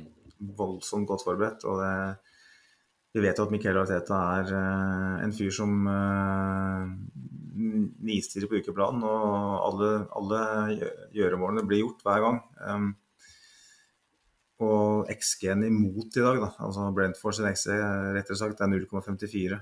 Og vi har jo frykta den kampen her. Den litt eh, skar det er vi selvfølgelig fra fra den matchen i fjor, men uh, de har tre matcher uh, før den kampen her. Mm. Mot Leeds hadde de en XG på 2,75. Uh, da skåret de fem mål. Mot United, de skåret fire, så hadde de en XG på 1,39. Uh, mot Everton så hadde de også en XG på 2,28, og vi kommer unna med 0,54 med noen forfall i elveren og ikke minst litt kanskje en sånn eh, psykologisk eh, problem etter fjoråret, for de som var med på den. Det er jo voldsomt imponerende med Avin og sitt livsform. Eh, Akkurat tatt ut landslaget, ikke sant. Eh, Ja, akkurat det tatt ut landslaget. Og Thomas Party åpenbart Mm. viktig, det. Men i, sånn, i et, et større perspektiv å reise til, uh, til Brentford uh, husk, Hva heter den stadion? Husker jeg ikke i farten. Nei, det er noe sånn tullenavn. G-Tech Community tror jeg de har begynt å kalle det. Ja, ikke sant. Samme- eh, samme uh, reiser dit og bare ja, kveler dem, rett og slett. Altså. De har ingenting å komme med. Og det er ikke for at Brentford ikke har, er gode eller har, er dårlig forberedt. Det er bare at Arsenal er så altså det, er, det, her, det føles nytt for meg som Arsenal-supporter. Eh, nesten etter eh, alltid vært et lag som Blir litt herja med. ja, eh, Johans, altså, ofte vinner, men alltid liksom har en tendens til å, å gi bort en del muligheter som ikke en trenger å gjøre. Eh, reise dit og, og være så solide, eh, og nekte dem så mye, og samtidig være så god offensivt. Det er bare Ja, det er kanskje For å avslutte kampsementet for alvor, da, så, så føler jeg at uh, det her er en av de aller deiligste borteopplevelsene jeg har hatt som Arsenal-supporter på mange år. Eh, Det her føltes uh, ekte og riktig. Dette her føltes ikke som et blaff i det hele tatt. Nei, og han godeste Brentford-manageren, Thomas Frank, sa det vel også ganske tydelig etter kampen at han syntes ikke de hadde spilt noe dårlig match. Det var bare at de møtte et lag som var så bra som Arsenal. Eh, har jo vært veldig raus i hyllesten av både Arsenal og enkeltspillere etter kamp, ser det ut som. Men eh, det syns jeg er viktig å ta med seg, da, for det er lett å Jeg ser jo også at noen av de eh, engelske kommentatorene har fått en runde på Twitter fordi de snakka ned Brentfords prestasjon istedenfor å prate opp Arsenal sin. Det er jo i kjent stil. Eh, men, men dette her er jo et Brentford-lag som har funka veldig bra, som du sier. Som eh, har enkeltspillere som er i god form. Og Arsenal rett og slett eh, nuller de ut i nesten hele kampen. Altså. Eh, vi har vært inne på én av de, Thomas Party, som eh, er en viktig grunn til det. Og så er jo nok en gang William Saliba med på ja, rett og slett gjemme bort Ivan Tony. Den klassiske når han kommer hjem i dag, så drar han fram bankkort og husnøkler og Ivan Tony fra bukselomma. Eh, full kontroll. Ja, det var helt fantastisk. Og vi fikk et spørsmål fra, fra Fleskspurven. Eh, eh, han stiller gode spørsmål, det skal han ha. Han eh, spør eh, Er Saliba topp tre midtstoppere i, i Premier League, og hvilke tre ville dere eventuelt ha bytta han med? Det, hva tabloide. Deilig. Ja, jeg liker jo det. Kanskje må vi kunne innrømme at det er litt tidlig å melde. Altså, når det kommer til potensialet, så er jeg ikke Da, er jeg ikke, da lurer jeg ikke engang. Da, da er han definitivt opp tre. Men han må jo klare å holde dette nivået over en lengre periode. Så, så ærlig må vi jo være. Mm, Av det vi har sett av han til nå, eh, hvis vi skal si isolert sett, da, de, de tre første matchene den sesongen her Nei, altså, herregud. Eh, om han er blant de tre eh, beste midtstopperne i løpet av de første sju kampene, så, så tenker jeg vi kan si ja. Men det holder jo ikke til å felle noe sånn ordentlig dom. Men eh, hvem er de åpenbare sammenligningene? Det er jo van Dijk, eh, kanskje en eh, Ruben Diaz, Varan som begynner å finne litt ut av det i, i tospann med han, eh, Martinez på, på, i United. Det er, eh, det er på det nivået der nå, altså. Mm. Det handler bare om å, å repetere det og repetere det. Og det, det er jeg egentlig ikke så veldig bekymra for. Eh, altså, Unggutter vet vi at eh, veksler i, i prestasjoner, men Saliba framsto mye mer moden enn de 21 årene han egentlig er. Eh, både prater som han er i slutten av 20-åra, og spiller så rutinert som nå ser ut som han er i slutten av 20-åra. Så her er det skader som kan ødelegge, og ikke noe annet. Det, og, og hvis han opprettholder de prestasjonene her sesongen igjennom, da er det ikke tvil. Da er han topp tre i Premier League i, i slutten av eh, mai. Så Helt, eh, helt enig. Det er ikke tvil om engang. Han, eh, han er bare 21. Det han holder på med nå, det er ikke normalt i det hele tatt. Eh, spørsmålet er hadde du bytta med noe, som flest spør. spør. Jeg hadde ikke bytta med en, eh, tre år tilbake, to-tre år tilbake, hadde vært Ja, okay. å komme utenom. Men, eh, Ok, men han er jo tre år eldre nå enn han var da. Nettopp. Så mm, svaret er fortsatt nei. Jeg hadde ikke bytta med noe som helst. Jeg hadde ikke bytta med 1,5 milliard engang. Ikke faen. Det her er eh, noe helt, helt, helt spesielt. Det har vi sagt så mange ganger i den poden at vi trenger kanskje ikke å, å kjøre enda mer gospel, men eh, det er fristende. Han er bare helt unik. og mm, det var mot slutten av kampen da han begynte å, å dra av eh, spillere opptil to ganger, to-tre ganger. og bare, Han leker utpå der. Han har så kontroll. Eh, man tenker tilbake på det sjøl når han hadde med mot Leicester og tenker at Nei, det, han gjør ikke sånn engang, egentlig. Eh, jeg er enig med deg at, eh, at det er for tidlig å felle noe dom osv. Og, og mot United så, så fikk han kjenne litt på det. Det er viktig eh, å melde, faktisk. For det, det var en kamp hvor det vitna om alder. Uh, At Mm. det var litt å gå på, da. Men som 21-åring som stopper i Premier League uh, sine første sju kamper Aldri sett maken. Aldri. Eh, det her kan bli hvor bra som helst også. Eh, er, eh, for meg, nå så jeg Gabriel Jesus ble kåra til månedens spiller i Arsenal, og for all del ikke ufortjent. Men min stemme hadde gått til Saliba. Mm. Jeg syns han har vært den aller beste. Han har vært så gjennomsolid i hver eneste kamp, og han har bydd på Han har byda på så til de grader med altså drømmemål i tillegg, og lekre dragninger i tillegg til å bare være sjef. Og han har håndtert hver eneste jævla stor spiss som har kommet i hans vei. Det, nei, det jeg, har, jeg har ikke ord, altså. Hva er det vi sitter på her? Nei, altså, han har alt. Da. Altså, han har en pace som er Jeg vet ikke hvor eh, høyden faktisk er, sånn i antall kilometer, men det var en, en, en midtveis kanskje i andre omgang. Jeg tror vi leda 3-0 på det tidspunktet der, så det var ikke noe stress sånn sett. Men hvor det ble slått i bakrom på Tony. Og jeg syns det så ut til at Tony hadde en meter eller to forsprang. Men så plutselig var Saliba foran i den duellen også. Da. Mulig at ballbanen var i hans favør, kanskje, men det var liksom Der hadde jeg begynt å budsjettere med baklengs, fordi det så ut til at uh, Tony skulle nå den først. Men så er han inne og, og får en uh, lang fot på den, da. Uh, nei, som du sier, han har håndtert de aller, aller fleste spisser og situasjoner på en helt Ja, på en helt eh, ekstremt bra måte. Og Mm. Jeg vet da faen, jeg. Det, det, det, det er skummelt å tenke på at han er 21, og så er det litt skummelt, som vi har snakka om i tidligere episoder, at han ikke har signert ennå. Men uh, alt tyder jo på, tenker jeg, at dette her går veien. Man har jo ikke sett den samme skal vi si, sikkerheten i måten man omtaler kontraktsforhandlingene med Saliba kontra Saka. Der har jo Arteta vært ganske uttalt på at dette kommer til å Jeg håper at, og tror at dette kommer til å løse seg. Saliba har det vel ikke vært noe mer prat rundt, egentlig. Så selvfølgelig så er det frykten at han ikke har signert og drar til VM og har et kjempemesterskap og sitter der igjen i januar med halvannet år på kontrakten. Spiller ut vårsesongen i Arsenal og blir henta av Real Madrid. Men som sagt, ja, ja. vi har prata om dette her, så vi trenger ikke å repetere det nå. Men jeg tror at han opplever at han er på et veldig, veldig bra sted nå. Eh, Arsenal-supporter fra barnsbena, og det hjelper jo selvfølgelig.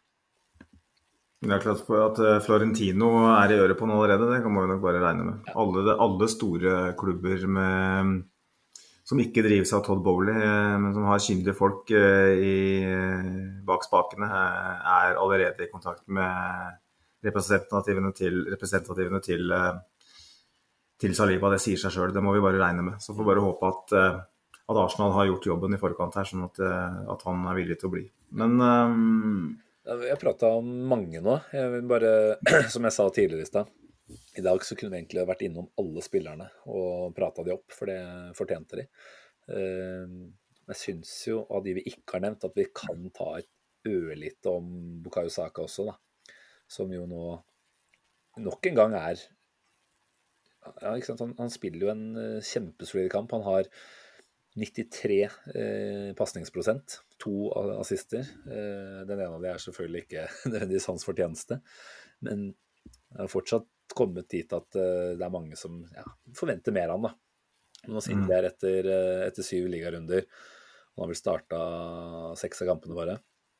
Eh, kun De Bruyne som har flere målgivende. Og målkontoen er åpna. Den ble åpna borte på Old Trafford, liksom. Så jeg tror vi bare igjen også må stoppe opp og stikke fingeren i jorda og huske på hva vi har eh, på hendene her, da.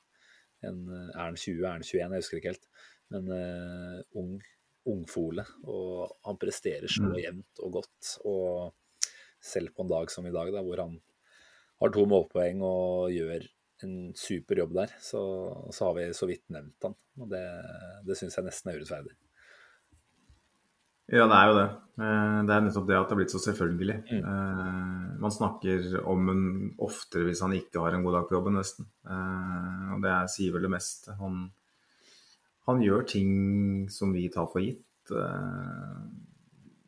Initierer angrep med å, å bare droppe skuldra og, og vende av to mann.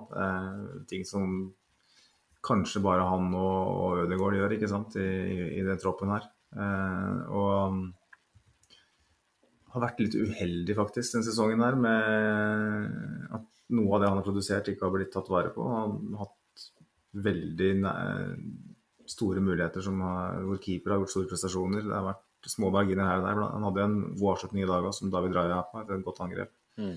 Som gjerne kunne gått inn. Uh, og igjen, han er uh, en premissleverandør for, for Ariteta. Han, uh, han er uh, Vi sa det i fjor, han er den beste spilleren vår, og det, han er nok kanskje det fortsatt. Det er bare det at det er så mange som er og kniver om den, om den rollen nå, at man, man, glemmer den nesten litt. For at den nye vinen er alltid litt mer interessant. Paradoksalt nok, med tanke på at det er gammel vin som smaker best, gjerne. Men, uh, men absolutt. Det, vi har blitt bortskjemt. Og nå kommer det nye gullkalver på rekke og rad her. Så da, det er klart vi må vie de sin velfortjente oppmerksomhet. Men uh, nei, en liten shout-out til Bukayo på tampen her, det, det er fortjent.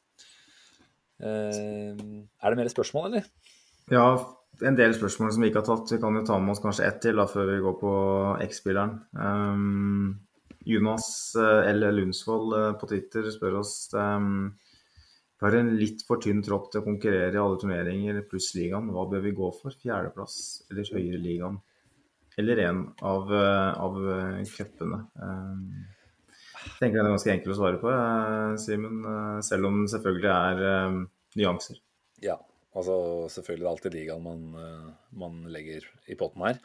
Eh, det er det ikke noe tvil om. Hvis det blir det klassiske spørsmålet du kan velge mellom fjerdeplassen eller vinne Europaligaen og kvalifisere til Champions League, eh, og komme på femte eller sjette, da velger jeg jo eh, jeg, jeg, velger ligaen. For det, det vitner om en det er, det er, den på en måte som står igjen som benchmarken på hvor god du er da, gjennom en hel sesong. Jeg er jo for så vidt enig også med Jonas her om at vi har en litt for tynn tropp. Og Det har jo egentlig ja. Arteta nå gjentatt flere uker på rad. og Det blir spennende å se hva man gjør i januar for å bøte på det. Uh, vi skal komme oss gjennom et uh, ellevilt oktober, og så er det noen kamper i november før landslagsgreiene setter inn. Men da er vi jo plutselig over i januar, og da, da er jeg spent på hva man får på plass der. Altså, fordi akkurat Saka, som vi akkurat snakka om, Thomas Party, som jo skal til VM, og spennende å se hva slags forfatning han kommer tilbake i. Om han tåler å kjøres i gang rett igjen på boxing day. Eh, mm. Um, tror vi Ja, det, det, blir jo en prat for en senere anledning, men vi, vi må nok bare erkjenne at det er en viss fare for at det er mulig å gå litt tom for uh, drivstoff også mot slutten av denne sesongen. For noen av spillerne, i hvert fall, hvis de overforbrukes, som jo kan, kan, hende at skjer. Avhengig av hvor nødvendig vi er. Men uh, hvis du skulle valgt, så er du i, i samme gata som meg, skjønner jeg? Ja, ja. Det er ikke tvil om. Også, det er det som er måte, den sikre veien inn i det forjettede land.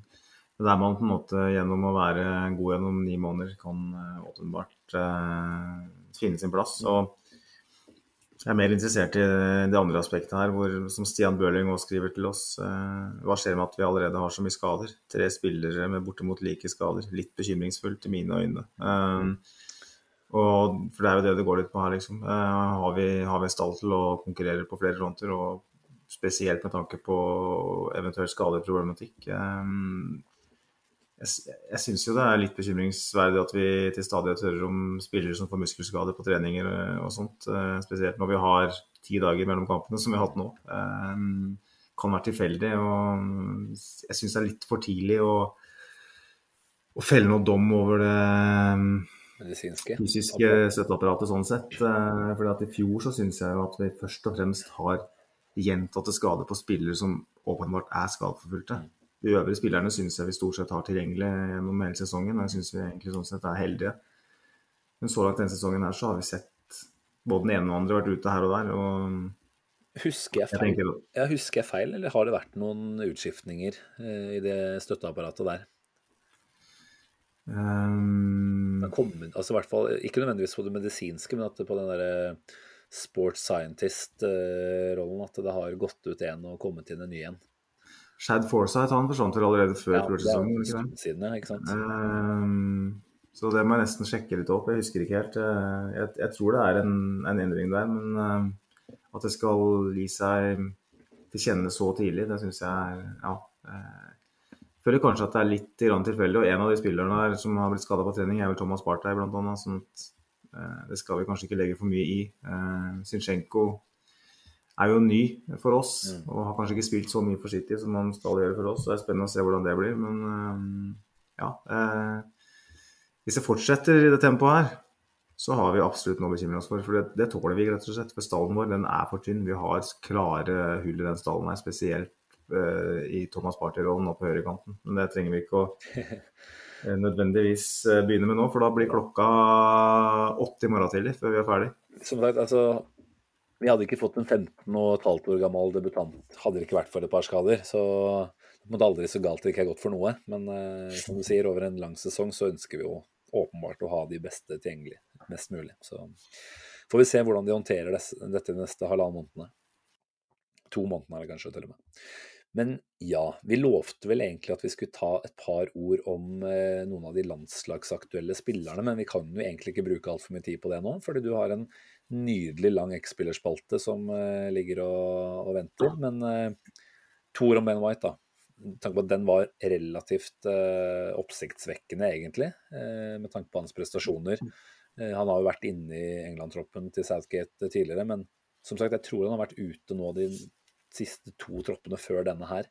Mm. Sånn sett kan man ikke si at det var superoverraskende, men når du nå har en Ben White som åpenbart kan bekle både høyrebekk og eh, stopperrollen, eh, som er godt kjent i en uh, trebekslinje i tillegg. Overraska over at han ikke var med nå, eller? Ja, det vil jeg si jeg var. Um, han var jo inne i troppen uh, i EM uh, på et tidspunkt hvor han var et eh, langt mer ubeskrevet blad for Southgate, og i tillegg kanskje heller ikke kunne vise til de prestasjonene her. Kanskje er han et offer for sin egen anvendelighet. Da. Og på høyrebekken så har England veldig mange alternativer. Reece James er jo en, jeg må jo bare si en fremragende fotballspiller. Selv om Todd Bowley er sjef for klubben hans, så er han en nydelig spiller. Og Alexander Arnold er inne i blindgate, ja.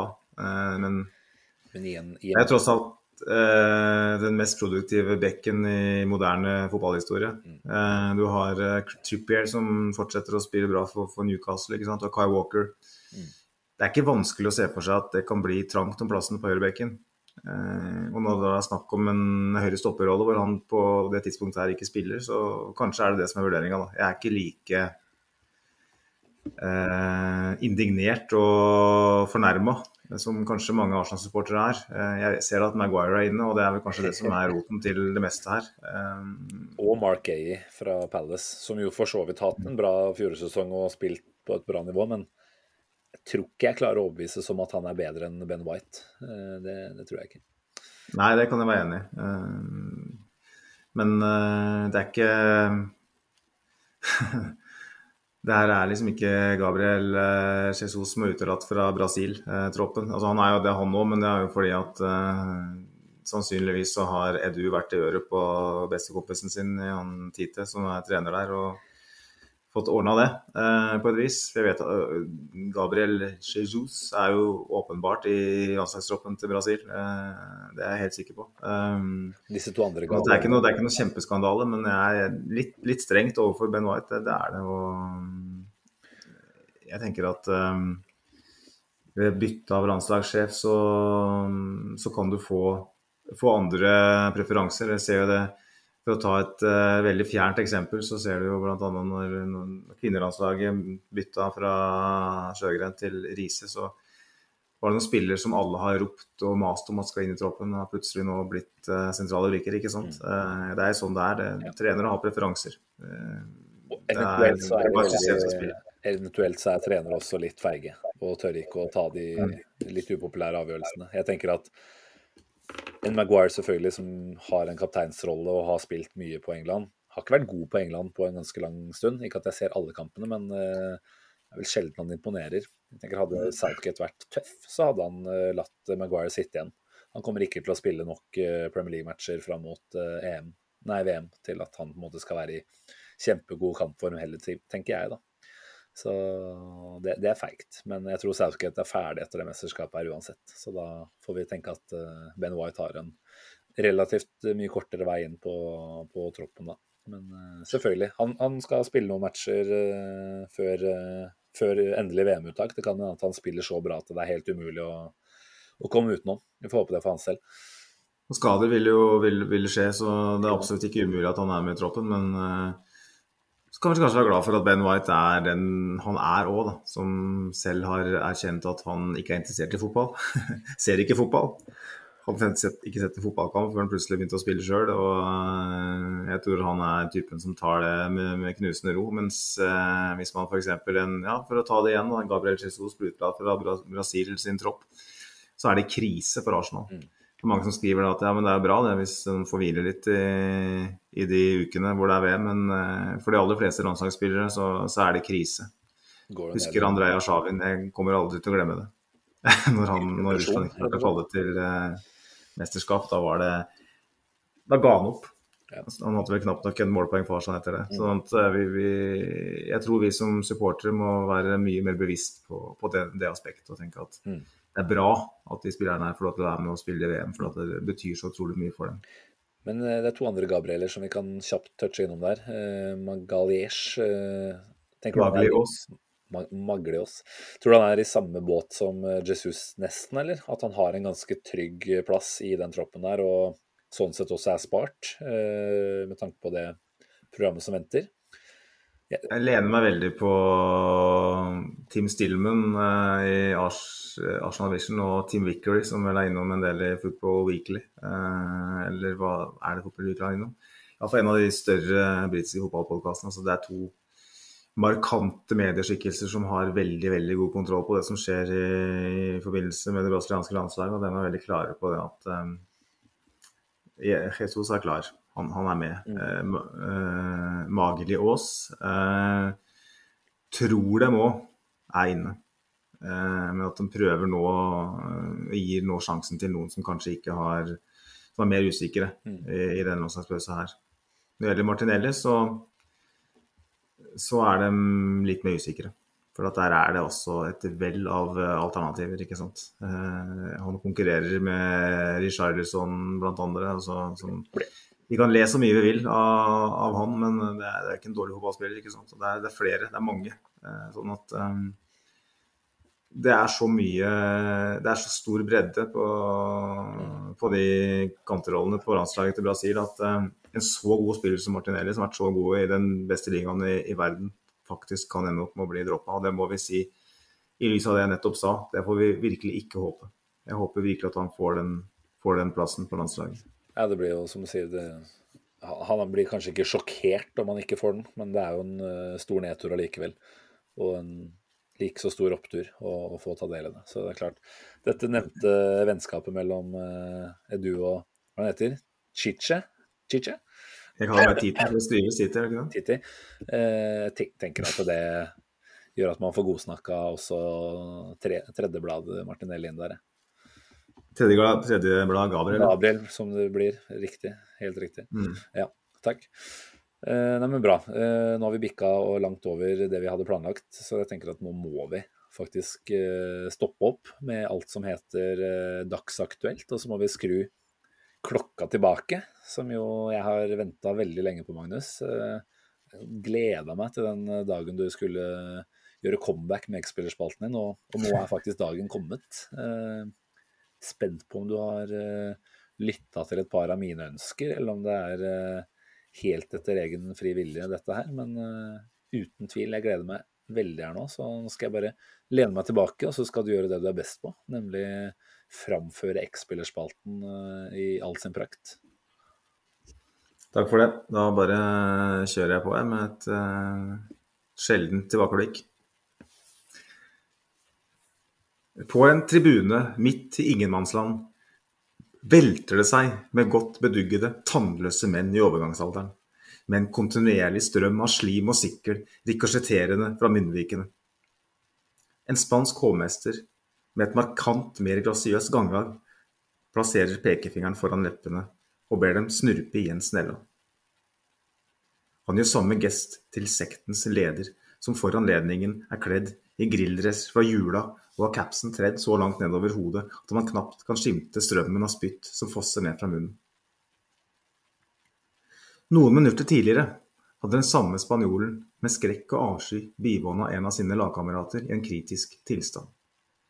Den nevnte sektlederen Tony Pulis destruktive taktikk hadde krevet nok et offer. Bitende i gresset, med ankelen tvers av, lå Arsenals kanskje fremste gullkalv. Dagens X-spiller. Ingen glemmer ansiktsuttrykket til kaptein Cesc Fabregas. Det ga ingen rom for tvil. Dette var alvorlig.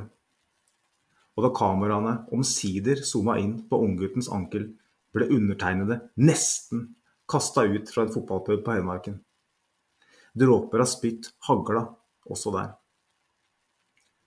Heldigvis fikk dagens X-spiller den kyndige bistand han trengte. Heldigvis slapp han å amputere. Diskursen som fulgte mellom Wenger og Pulis, var magevrengen. Sistnevntes forsøk på å legge skylden på Arsenal avslørte mye om Stoke-treners karakter. Og det som nesten verre er, en krystallklar appell fra et samla britisk pressekorps, leda av ultrakonservative neandertalere. Arsenal var for soft, og hadde til dels tirra på seg motstanderne med en kontinental, elegant og arrogant spillestil. No look-pasninger og hælflikker fikk engelske murbrekkere til å kaste seg inn med begge føtter. Sånn måtte man regne med, var sjargongen. Mens britiske journalister var opptatt med å sympatisere med stakkars, stakkars Ryan Shawcross, var det få som ofra dagens X-spiller en tanke. Hva med fotballkarrieren hans? Hva med fotens funksjonalitet selv ved hverdagslige sysler? Vel, Arsenals unge midtbanemann var fast bestemt på å returnere enda sterkere. Og allerede etter ni måneder var han tilbake på banen. Det må sies å være godt foran skjema, i den grad man har et skjema ved en så alvorlig skade. To korte utlån til henholdsvis Nottingham Forest og Cardiff fulgte, før Renger kalte ham tilbake i slutten av februar 2011. Gradvis ble han reintegrert i laget, og selve kroningen av det usannsynlige comebacket skjedde på Emirates i april, da han skåra det eneste målet i 1-0-seieren mot Manchester United. Også da strømma det kroppsvæsker på tribunen, men denne gangen fra tårekanalene. Wenger viste umiddelbart igjen sin intensjon om å gi unggutten en sentral rolle i elveren. Og da Fabregas returnerte til Barcelona den påfølgende sommeren, var veien rydda. Jobben som lagets kreative sjef var ledig. Inn portene denne sommeren kom også en viss Miquel Arteta, og Wengers plan var å gi spanjolen det strukturelle ansvaret som igjen ga dagens X-spiller lisens til å vandre friere. Det var imidlertid lite som tyda på at han var moden for det kreative ansvaret. Mens Super-Mick Arteta lå dypt og strødde som en rutinert vaktmester, ble vår manns rolle mer industriell. Mål og målgivende ble det fåtall av, men han imponerte når det gjaldt ballgjenvinninger og iherdig pressespill. Få dekka større rom på denne tida. Motoren var enorm. Til tross for dette måtte han tåle mishagsytringer. Endeproduktet, som han nesten tok for gitt at han ville utvikle, var fremdeles ikke der. Dype løp fra midten og gode andrebevegelser ble som ofte fånyttes, da han stadig blåste ballen langt over og til siden for nettmaskene. Avslutningsteknikken var preg av stress.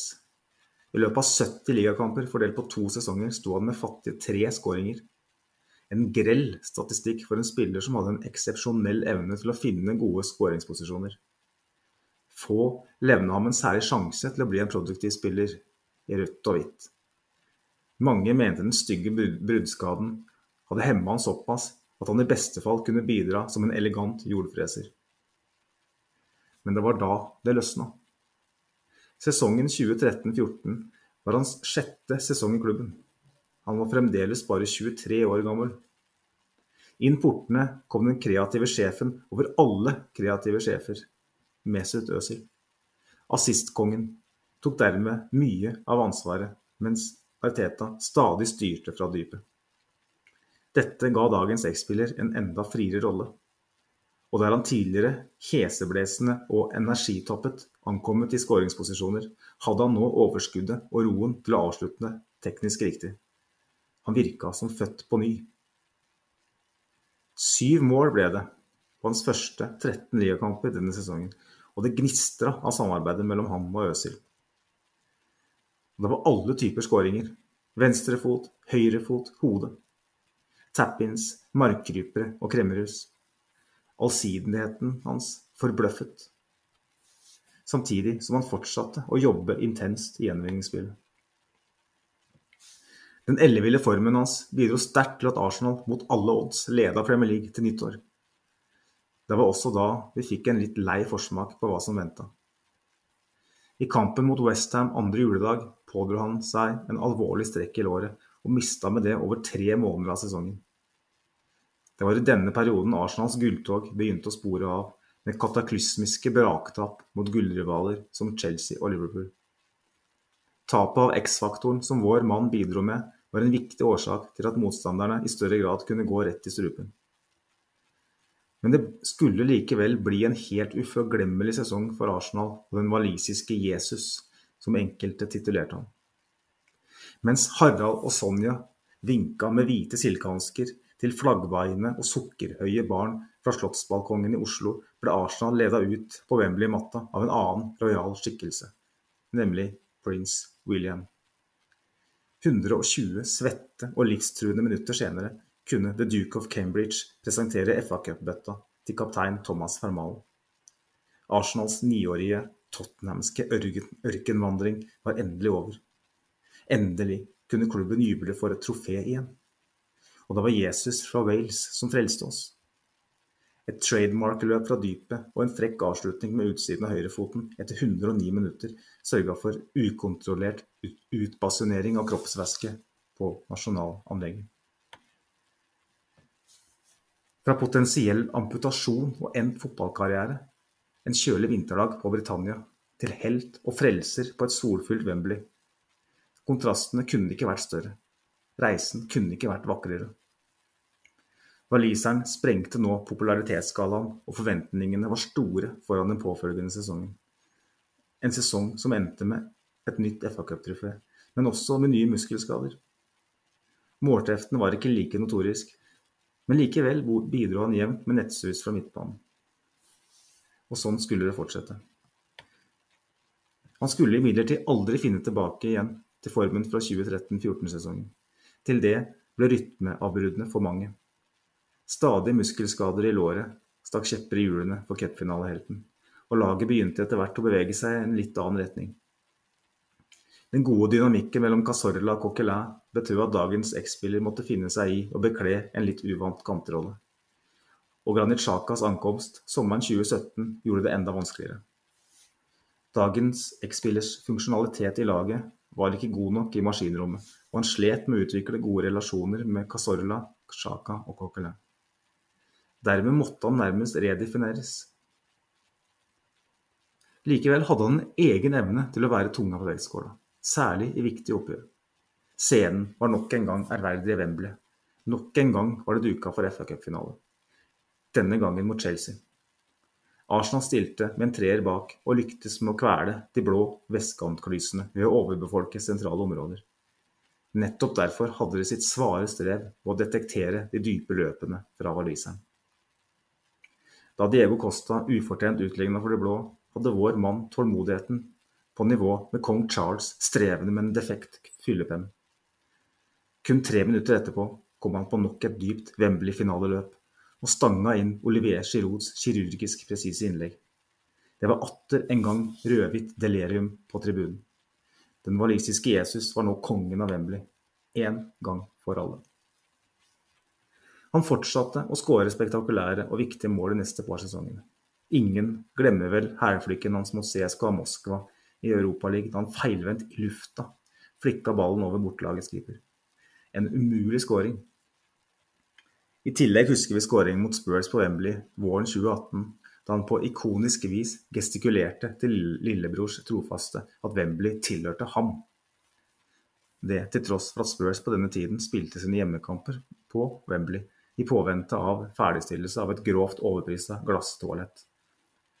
Dette var også en av kampene hvor vi fikk sett en litt annen versjon av waliseren. Una Emry, som foran den aktuelle sesongen hadde tatt over for Arsen Wenger, benytta ham dypt på midten. Hovedoppgaven var å ta ut Del Alli, som spilte i rommet bak Harry Kane. Dette utførte han til 20 i stil, og det bar bud om at en ny vår var jevning for vår mann. Kanskje var måten å holde skadeproblemene i sjakk og spille en rolle med færre sugende løp og færre sprinter. Vel, den modningsprosessen fikk vi aldri se fullendt i Arsenal. Til tross for langvarige forhandlinger kom ikke klubben til enighet om ny kontrakt. Den daværende kontrakten gikk ut den aktuelle sommeren. Dermed ble det et tårevått farvel etter elleve år i tro tjeneste. Verken, spilleren selv eller fansen virka å være komfortable med det, men klubben gjorde nok rett i å ikke forlenge. Det bærer skadeproblemene i ettertid et trist vitnesbyrd om. Og selv om avslutningen på eventyret ikke ble i Asbjørnsen og Moes ånd, kan ingen betvile hans ikoniske status i klubben. Ingen sentral midtbanespiller har skåra flere mål enn ham for Arsenal i Premier League-æraen. Ingen har skåra et viktigere mål enn ham siden flyttingen til Emirates for 16 år siden. Ingen andre har stått opp fra døden på den måten han gjorde etter skrekkskaden mot Stoke. Kanskje er han Emirates-æraens største Arsenal-ikon. For om 50 år er det vel få fra denne tidsepoken som vil omtales hyppigere enn Aaron Ramsey. Applaus. Det her var langt, Magnus, men det var, det var veldig vakkert. Eh, en av de absolutte favorittene. Og da, da syns jeg det er stas når du gjør eh, det så råflott som dette her og spanderer på deg Vi snakker vel nesten et kvarter. Men eh, for en historie han har hatt òg. Og jeg hører du bruker ordet ikon et par ganger. Vi, vi Mm. toucher jo nesten opp om legendestatus, gjør vi ikke det? Vi vi er, det skal ikke vanne ut, selvfølgelig, men uh, avgjøre to FA Cup-finaler. Og jeg vet Mm. ikke hvor mange kamper han fikk til slutt. Det er sånn svart på hvitt, hvor liksom høyt opp på, på adelskalenderen han havner sånn sett. Men uh, han er ikke langt unna en legende i mine øyne, i hvert fall. Men det er klart, uh, den er jo preget av at jeg er en yngre kar, selvfølgelig. Men eh, alltid, alltid likt Aaron Ramsey. Uh, Syns du gjør fin ære på han gjennom den, uh, den oppsummeringa her, altså. Ordentlig fin eh, historie. Uh, på mange måter synd at det endte som det gjorde, med et tårevått farvel. uh, for en som egentlig gjerne kunne tenke seg å fortsette i klubben. Men selvfølgelig, det var kanskje et naturlig sted å, å avslutte det også, når det var såpass lite han hadde å, å by på eh, i forhold til det å holde seg skadefri. da.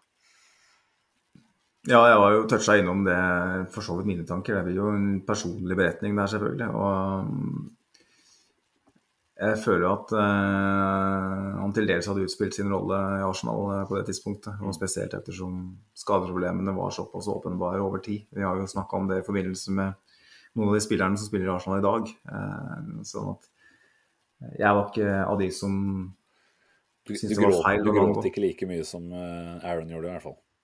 Eh, Ja, det var jo trist, da. Men eh, jeg var mer irritert på det faktum at man var i den situasjonen at man Mm. ikke hadde noe for flere år igjen på kontrakten. At man lot det gå så langt. Jeg kunne godt tenkt meg å fått igjen noen kroner for den. Eventuelt beholdt den et år til, da. Men å gi han en langtidskontrakt på det tidspunktet var veldig feil. Eh, Med de krav, lønnskravene han hadde og alt sånt. Eh, Og han, han eh, gjorde veldig veldig mye for Arsenal på den tida han var her, til tross for helt eh, unike utfordringer. Eh, den skaden mot Stoke den burde jo egentlig ha satt den ut av spill.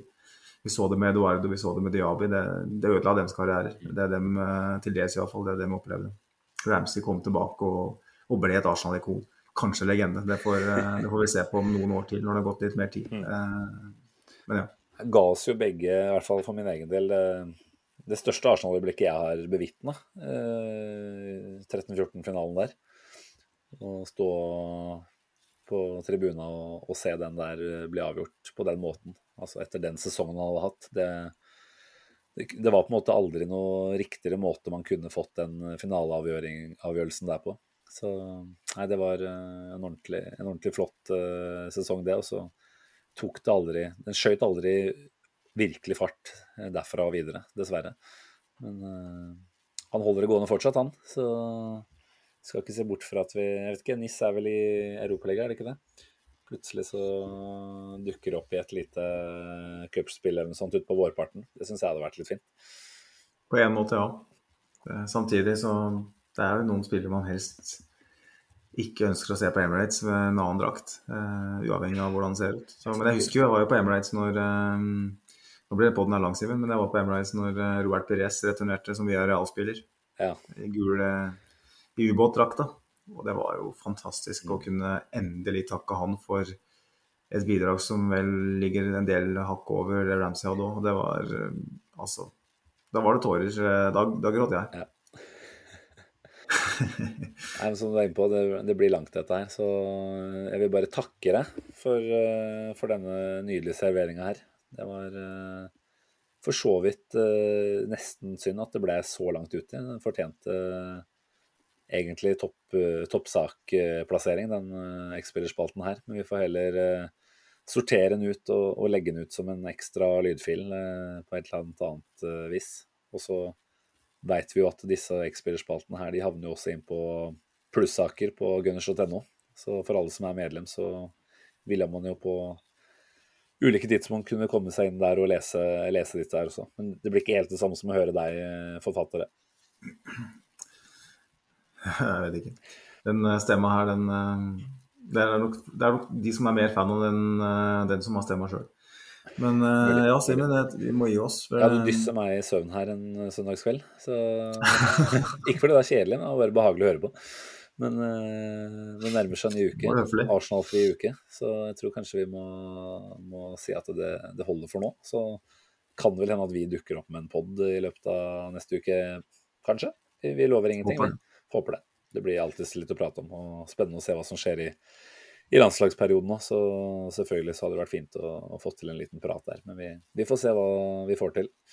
Jeg skal jo på match, faktisk, Det er neste runden. da. Det, når det er Premier League neste gang, så, så, er jeg faktisk England. For de som har hørt på poden hele veien, så vet dere det. Så jeg tipper jeg, jeg håper jo, da, da er vel du tilbake med en gjest, eh, antar jeg, etter den kampen. Så jeg, jeg har jo abstinenser, så jeg må snakke litt fotball i løpet av en uke som kommer. Så vi får se hva vi får til. Ja, jeg, jeg har sagt det jeg trenger å se om den uh, Nord-London Derby-turen din. Den uh, skulle jeg veldig gjerne vært med på, men uh, det passa dessverre ikke denne gangen her. Vi... Da er det bare å avslutte, Simen, og Fint. si følg oss, ja. del oss, lik oss. Ja, men det er viktig. Jeg syns uh, en liten rating på både Spotify og iTunes, det, det kommer godt med for vår del. Det. Så har du ikke gjort det ennå, så bruk gjerne et par minutter på det. Det hadde vi satt veldig stor pris på. Og fortsett å komme med innspill, spørsmål, så beriker det poden vår neste gang. Og nå skal vi slutte. Så da sier vi bare tusen takk til deg som lytter. Det setter vi veldig stor pris på, og på gjenhør om ikke altfor lenge. Ha det bra. Ha det, ha det. Hei.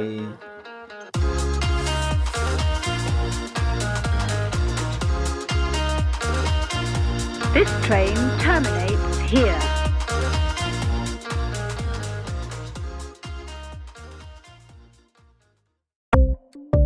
Ukens annonsør er HelloFresh.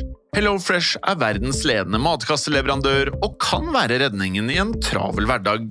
Mange av oss har nok vandret i butikken både sultne og uten en plan for middagen, som ender med at vi går for de samme kjedelige rettene gang på gang.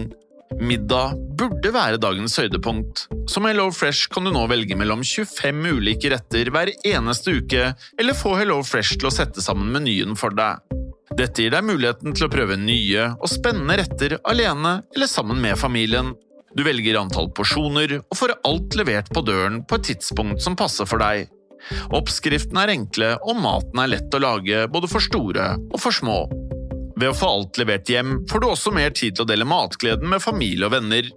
Kanskje det frister med asiatiske tacos eller greskinspirert kylling? Da kan jeg anbefale deg om å gå inn på hellofresh.no. Her kan du bruke koden FOTBALL og få opptil 1779 kroner i rabatt på de første fem matkastene hvis du ikke har prøvd Hello Fresh tidligere. Du kan også bruke rabatten hvis du har vært kunde og stoppet abonnementet ditt for tolv måneder siden eller lengre. Gå inn på hellofresh.no og bruk koden FOTBALL. Har du et enkeltpersonforetak eller en liten bedrift? Da er du sikkert lei av å høre meg snakke om hvor enkelt det er med kvitteringer og bilag i fiken, så vi eh, gir oss her, vi. Fordi vi liker enkelt. Fiken superenkelt regnskap.